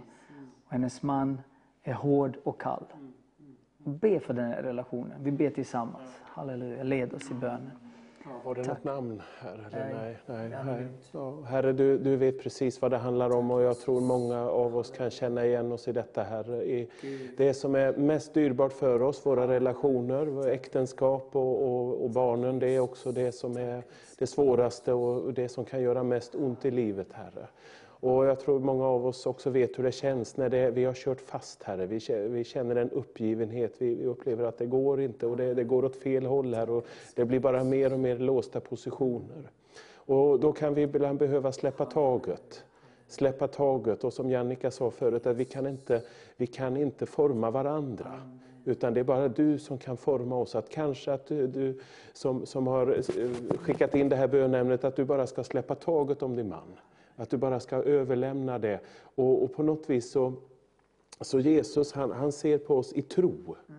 Och att vi får göra så också med, med varandra. Vi får se på varandra i tro. Vi ser det inte just nu, men, men kanske till och med vara så naiv. Vi får ju vara naiv som små barn och börja tacka tacka. Fastän du inte ser det i din man, så börja tacka för att han är kärleksfull, han är god, han är mild. Och då tror jag vi, vi förlöser någonting, att saker och ting kan börja ske i våra familjer, i våra äktenskap, bland våra barn och så vidare. När vi, vi släpper taget om och den här frustrationen eh, och så bara vi säger Herre, jag är maktlös inför detta, men jag vill nu bara att du Jesus kommer in och förvandlar min familj. Så välsigna hela den här familjen, Herre. Och jag bara ber att de ska få uppleva en djup enhet i dig, Herre. Jag ber att de ska få uppleva en eh, djup glädje i dig, Herre. Och jag ber att den här mannen ska få känna hur skönt det känns att lägga ner hårdhet, lägga ner försvar, lägga ner stolthet och prestige kanske. Och våga visa vem han är för sin hustru. Att de ska få mötas hjärta till hjärta, Herre. Herre, vi ber om en revolution in i den här familjen, Herre. Kom Herre med din nåd, låt din himmel stå öppen över denna familj Herre. Och jag vill be för många familjer över vårt land Herre. Att vi ska få se en väckelse, vi ska få se att det går som en, en ja, ett, en rörelse genom landet hur du Herre upprättar familjer. Jag tänker bara om är så att, att nu vet vi ju inte liksom vilken grad det är av hårdhet eh, eh här eh, och hur, vad, vad, du menar med kall. Men jag vill bara säga att eh, låt ingen se ner på dig, låt ingen tala ner dig. Eh, så att om det nu är så att, att du att du möter en hårdhet som, som sårar och som kränker och som så, så ber vi att, eh, att ja, vi ber om ett beskydd över ditt liv, att du att du ska eh, få känna Guds kärlek, Jesu kärlek, att du är värdefull och att han älskar dig. Och att, eh, att du också ska få kraft och mod att stå emot den hårdhet som du upplever. Att säga nej och sätta gränser och, och söka hjälp om du behöver det. Så vi bara ber om, om Guds beskydd, om Jesus beskydd över dig. Och du är värdefull, du är älskad och du är sedd av Jesus. Och han, han vill att du ska få möta kärlek och nåd och barmhärtighet. Amen. Vi har bara en och en halv minut kvar. Göran, vill du ta sista bönämnet? Eh, be för Lennart och Susanne och eh, en syster i Herren som behöver ett arbete bara eh, kort för Lennart, Susanne och en syster. Halleluja. Mm. Vi vet också hur situationen är för alla som går arbetslösa. Nu tänker vi särskilt på Lennart och Susanne och dina syster. Jesus. Vi ber att du ska öppna portar för dem som inte de har sett. Mm. Öppna vägar in i, till arbetslivet som, som de inte har anat förut. Jesus. Herre, vi ber att du ska göra detta. Amen. Amen. Tack Jesus. Vänner, tack så jättemycket. Tiden rinner ut. Och eh, Göran, Jannika och eh, Johan, eh, tack så hjärtligt att ni ville komma hit, dela era vittnesbörd och alla uppmuntrande ord. Tack att du har varit med oss ikväll. Guds välsignelse över dig och ditt liv. På återseende redan imorgon med Christian. Halleluja. Var välsignad och en god kväll.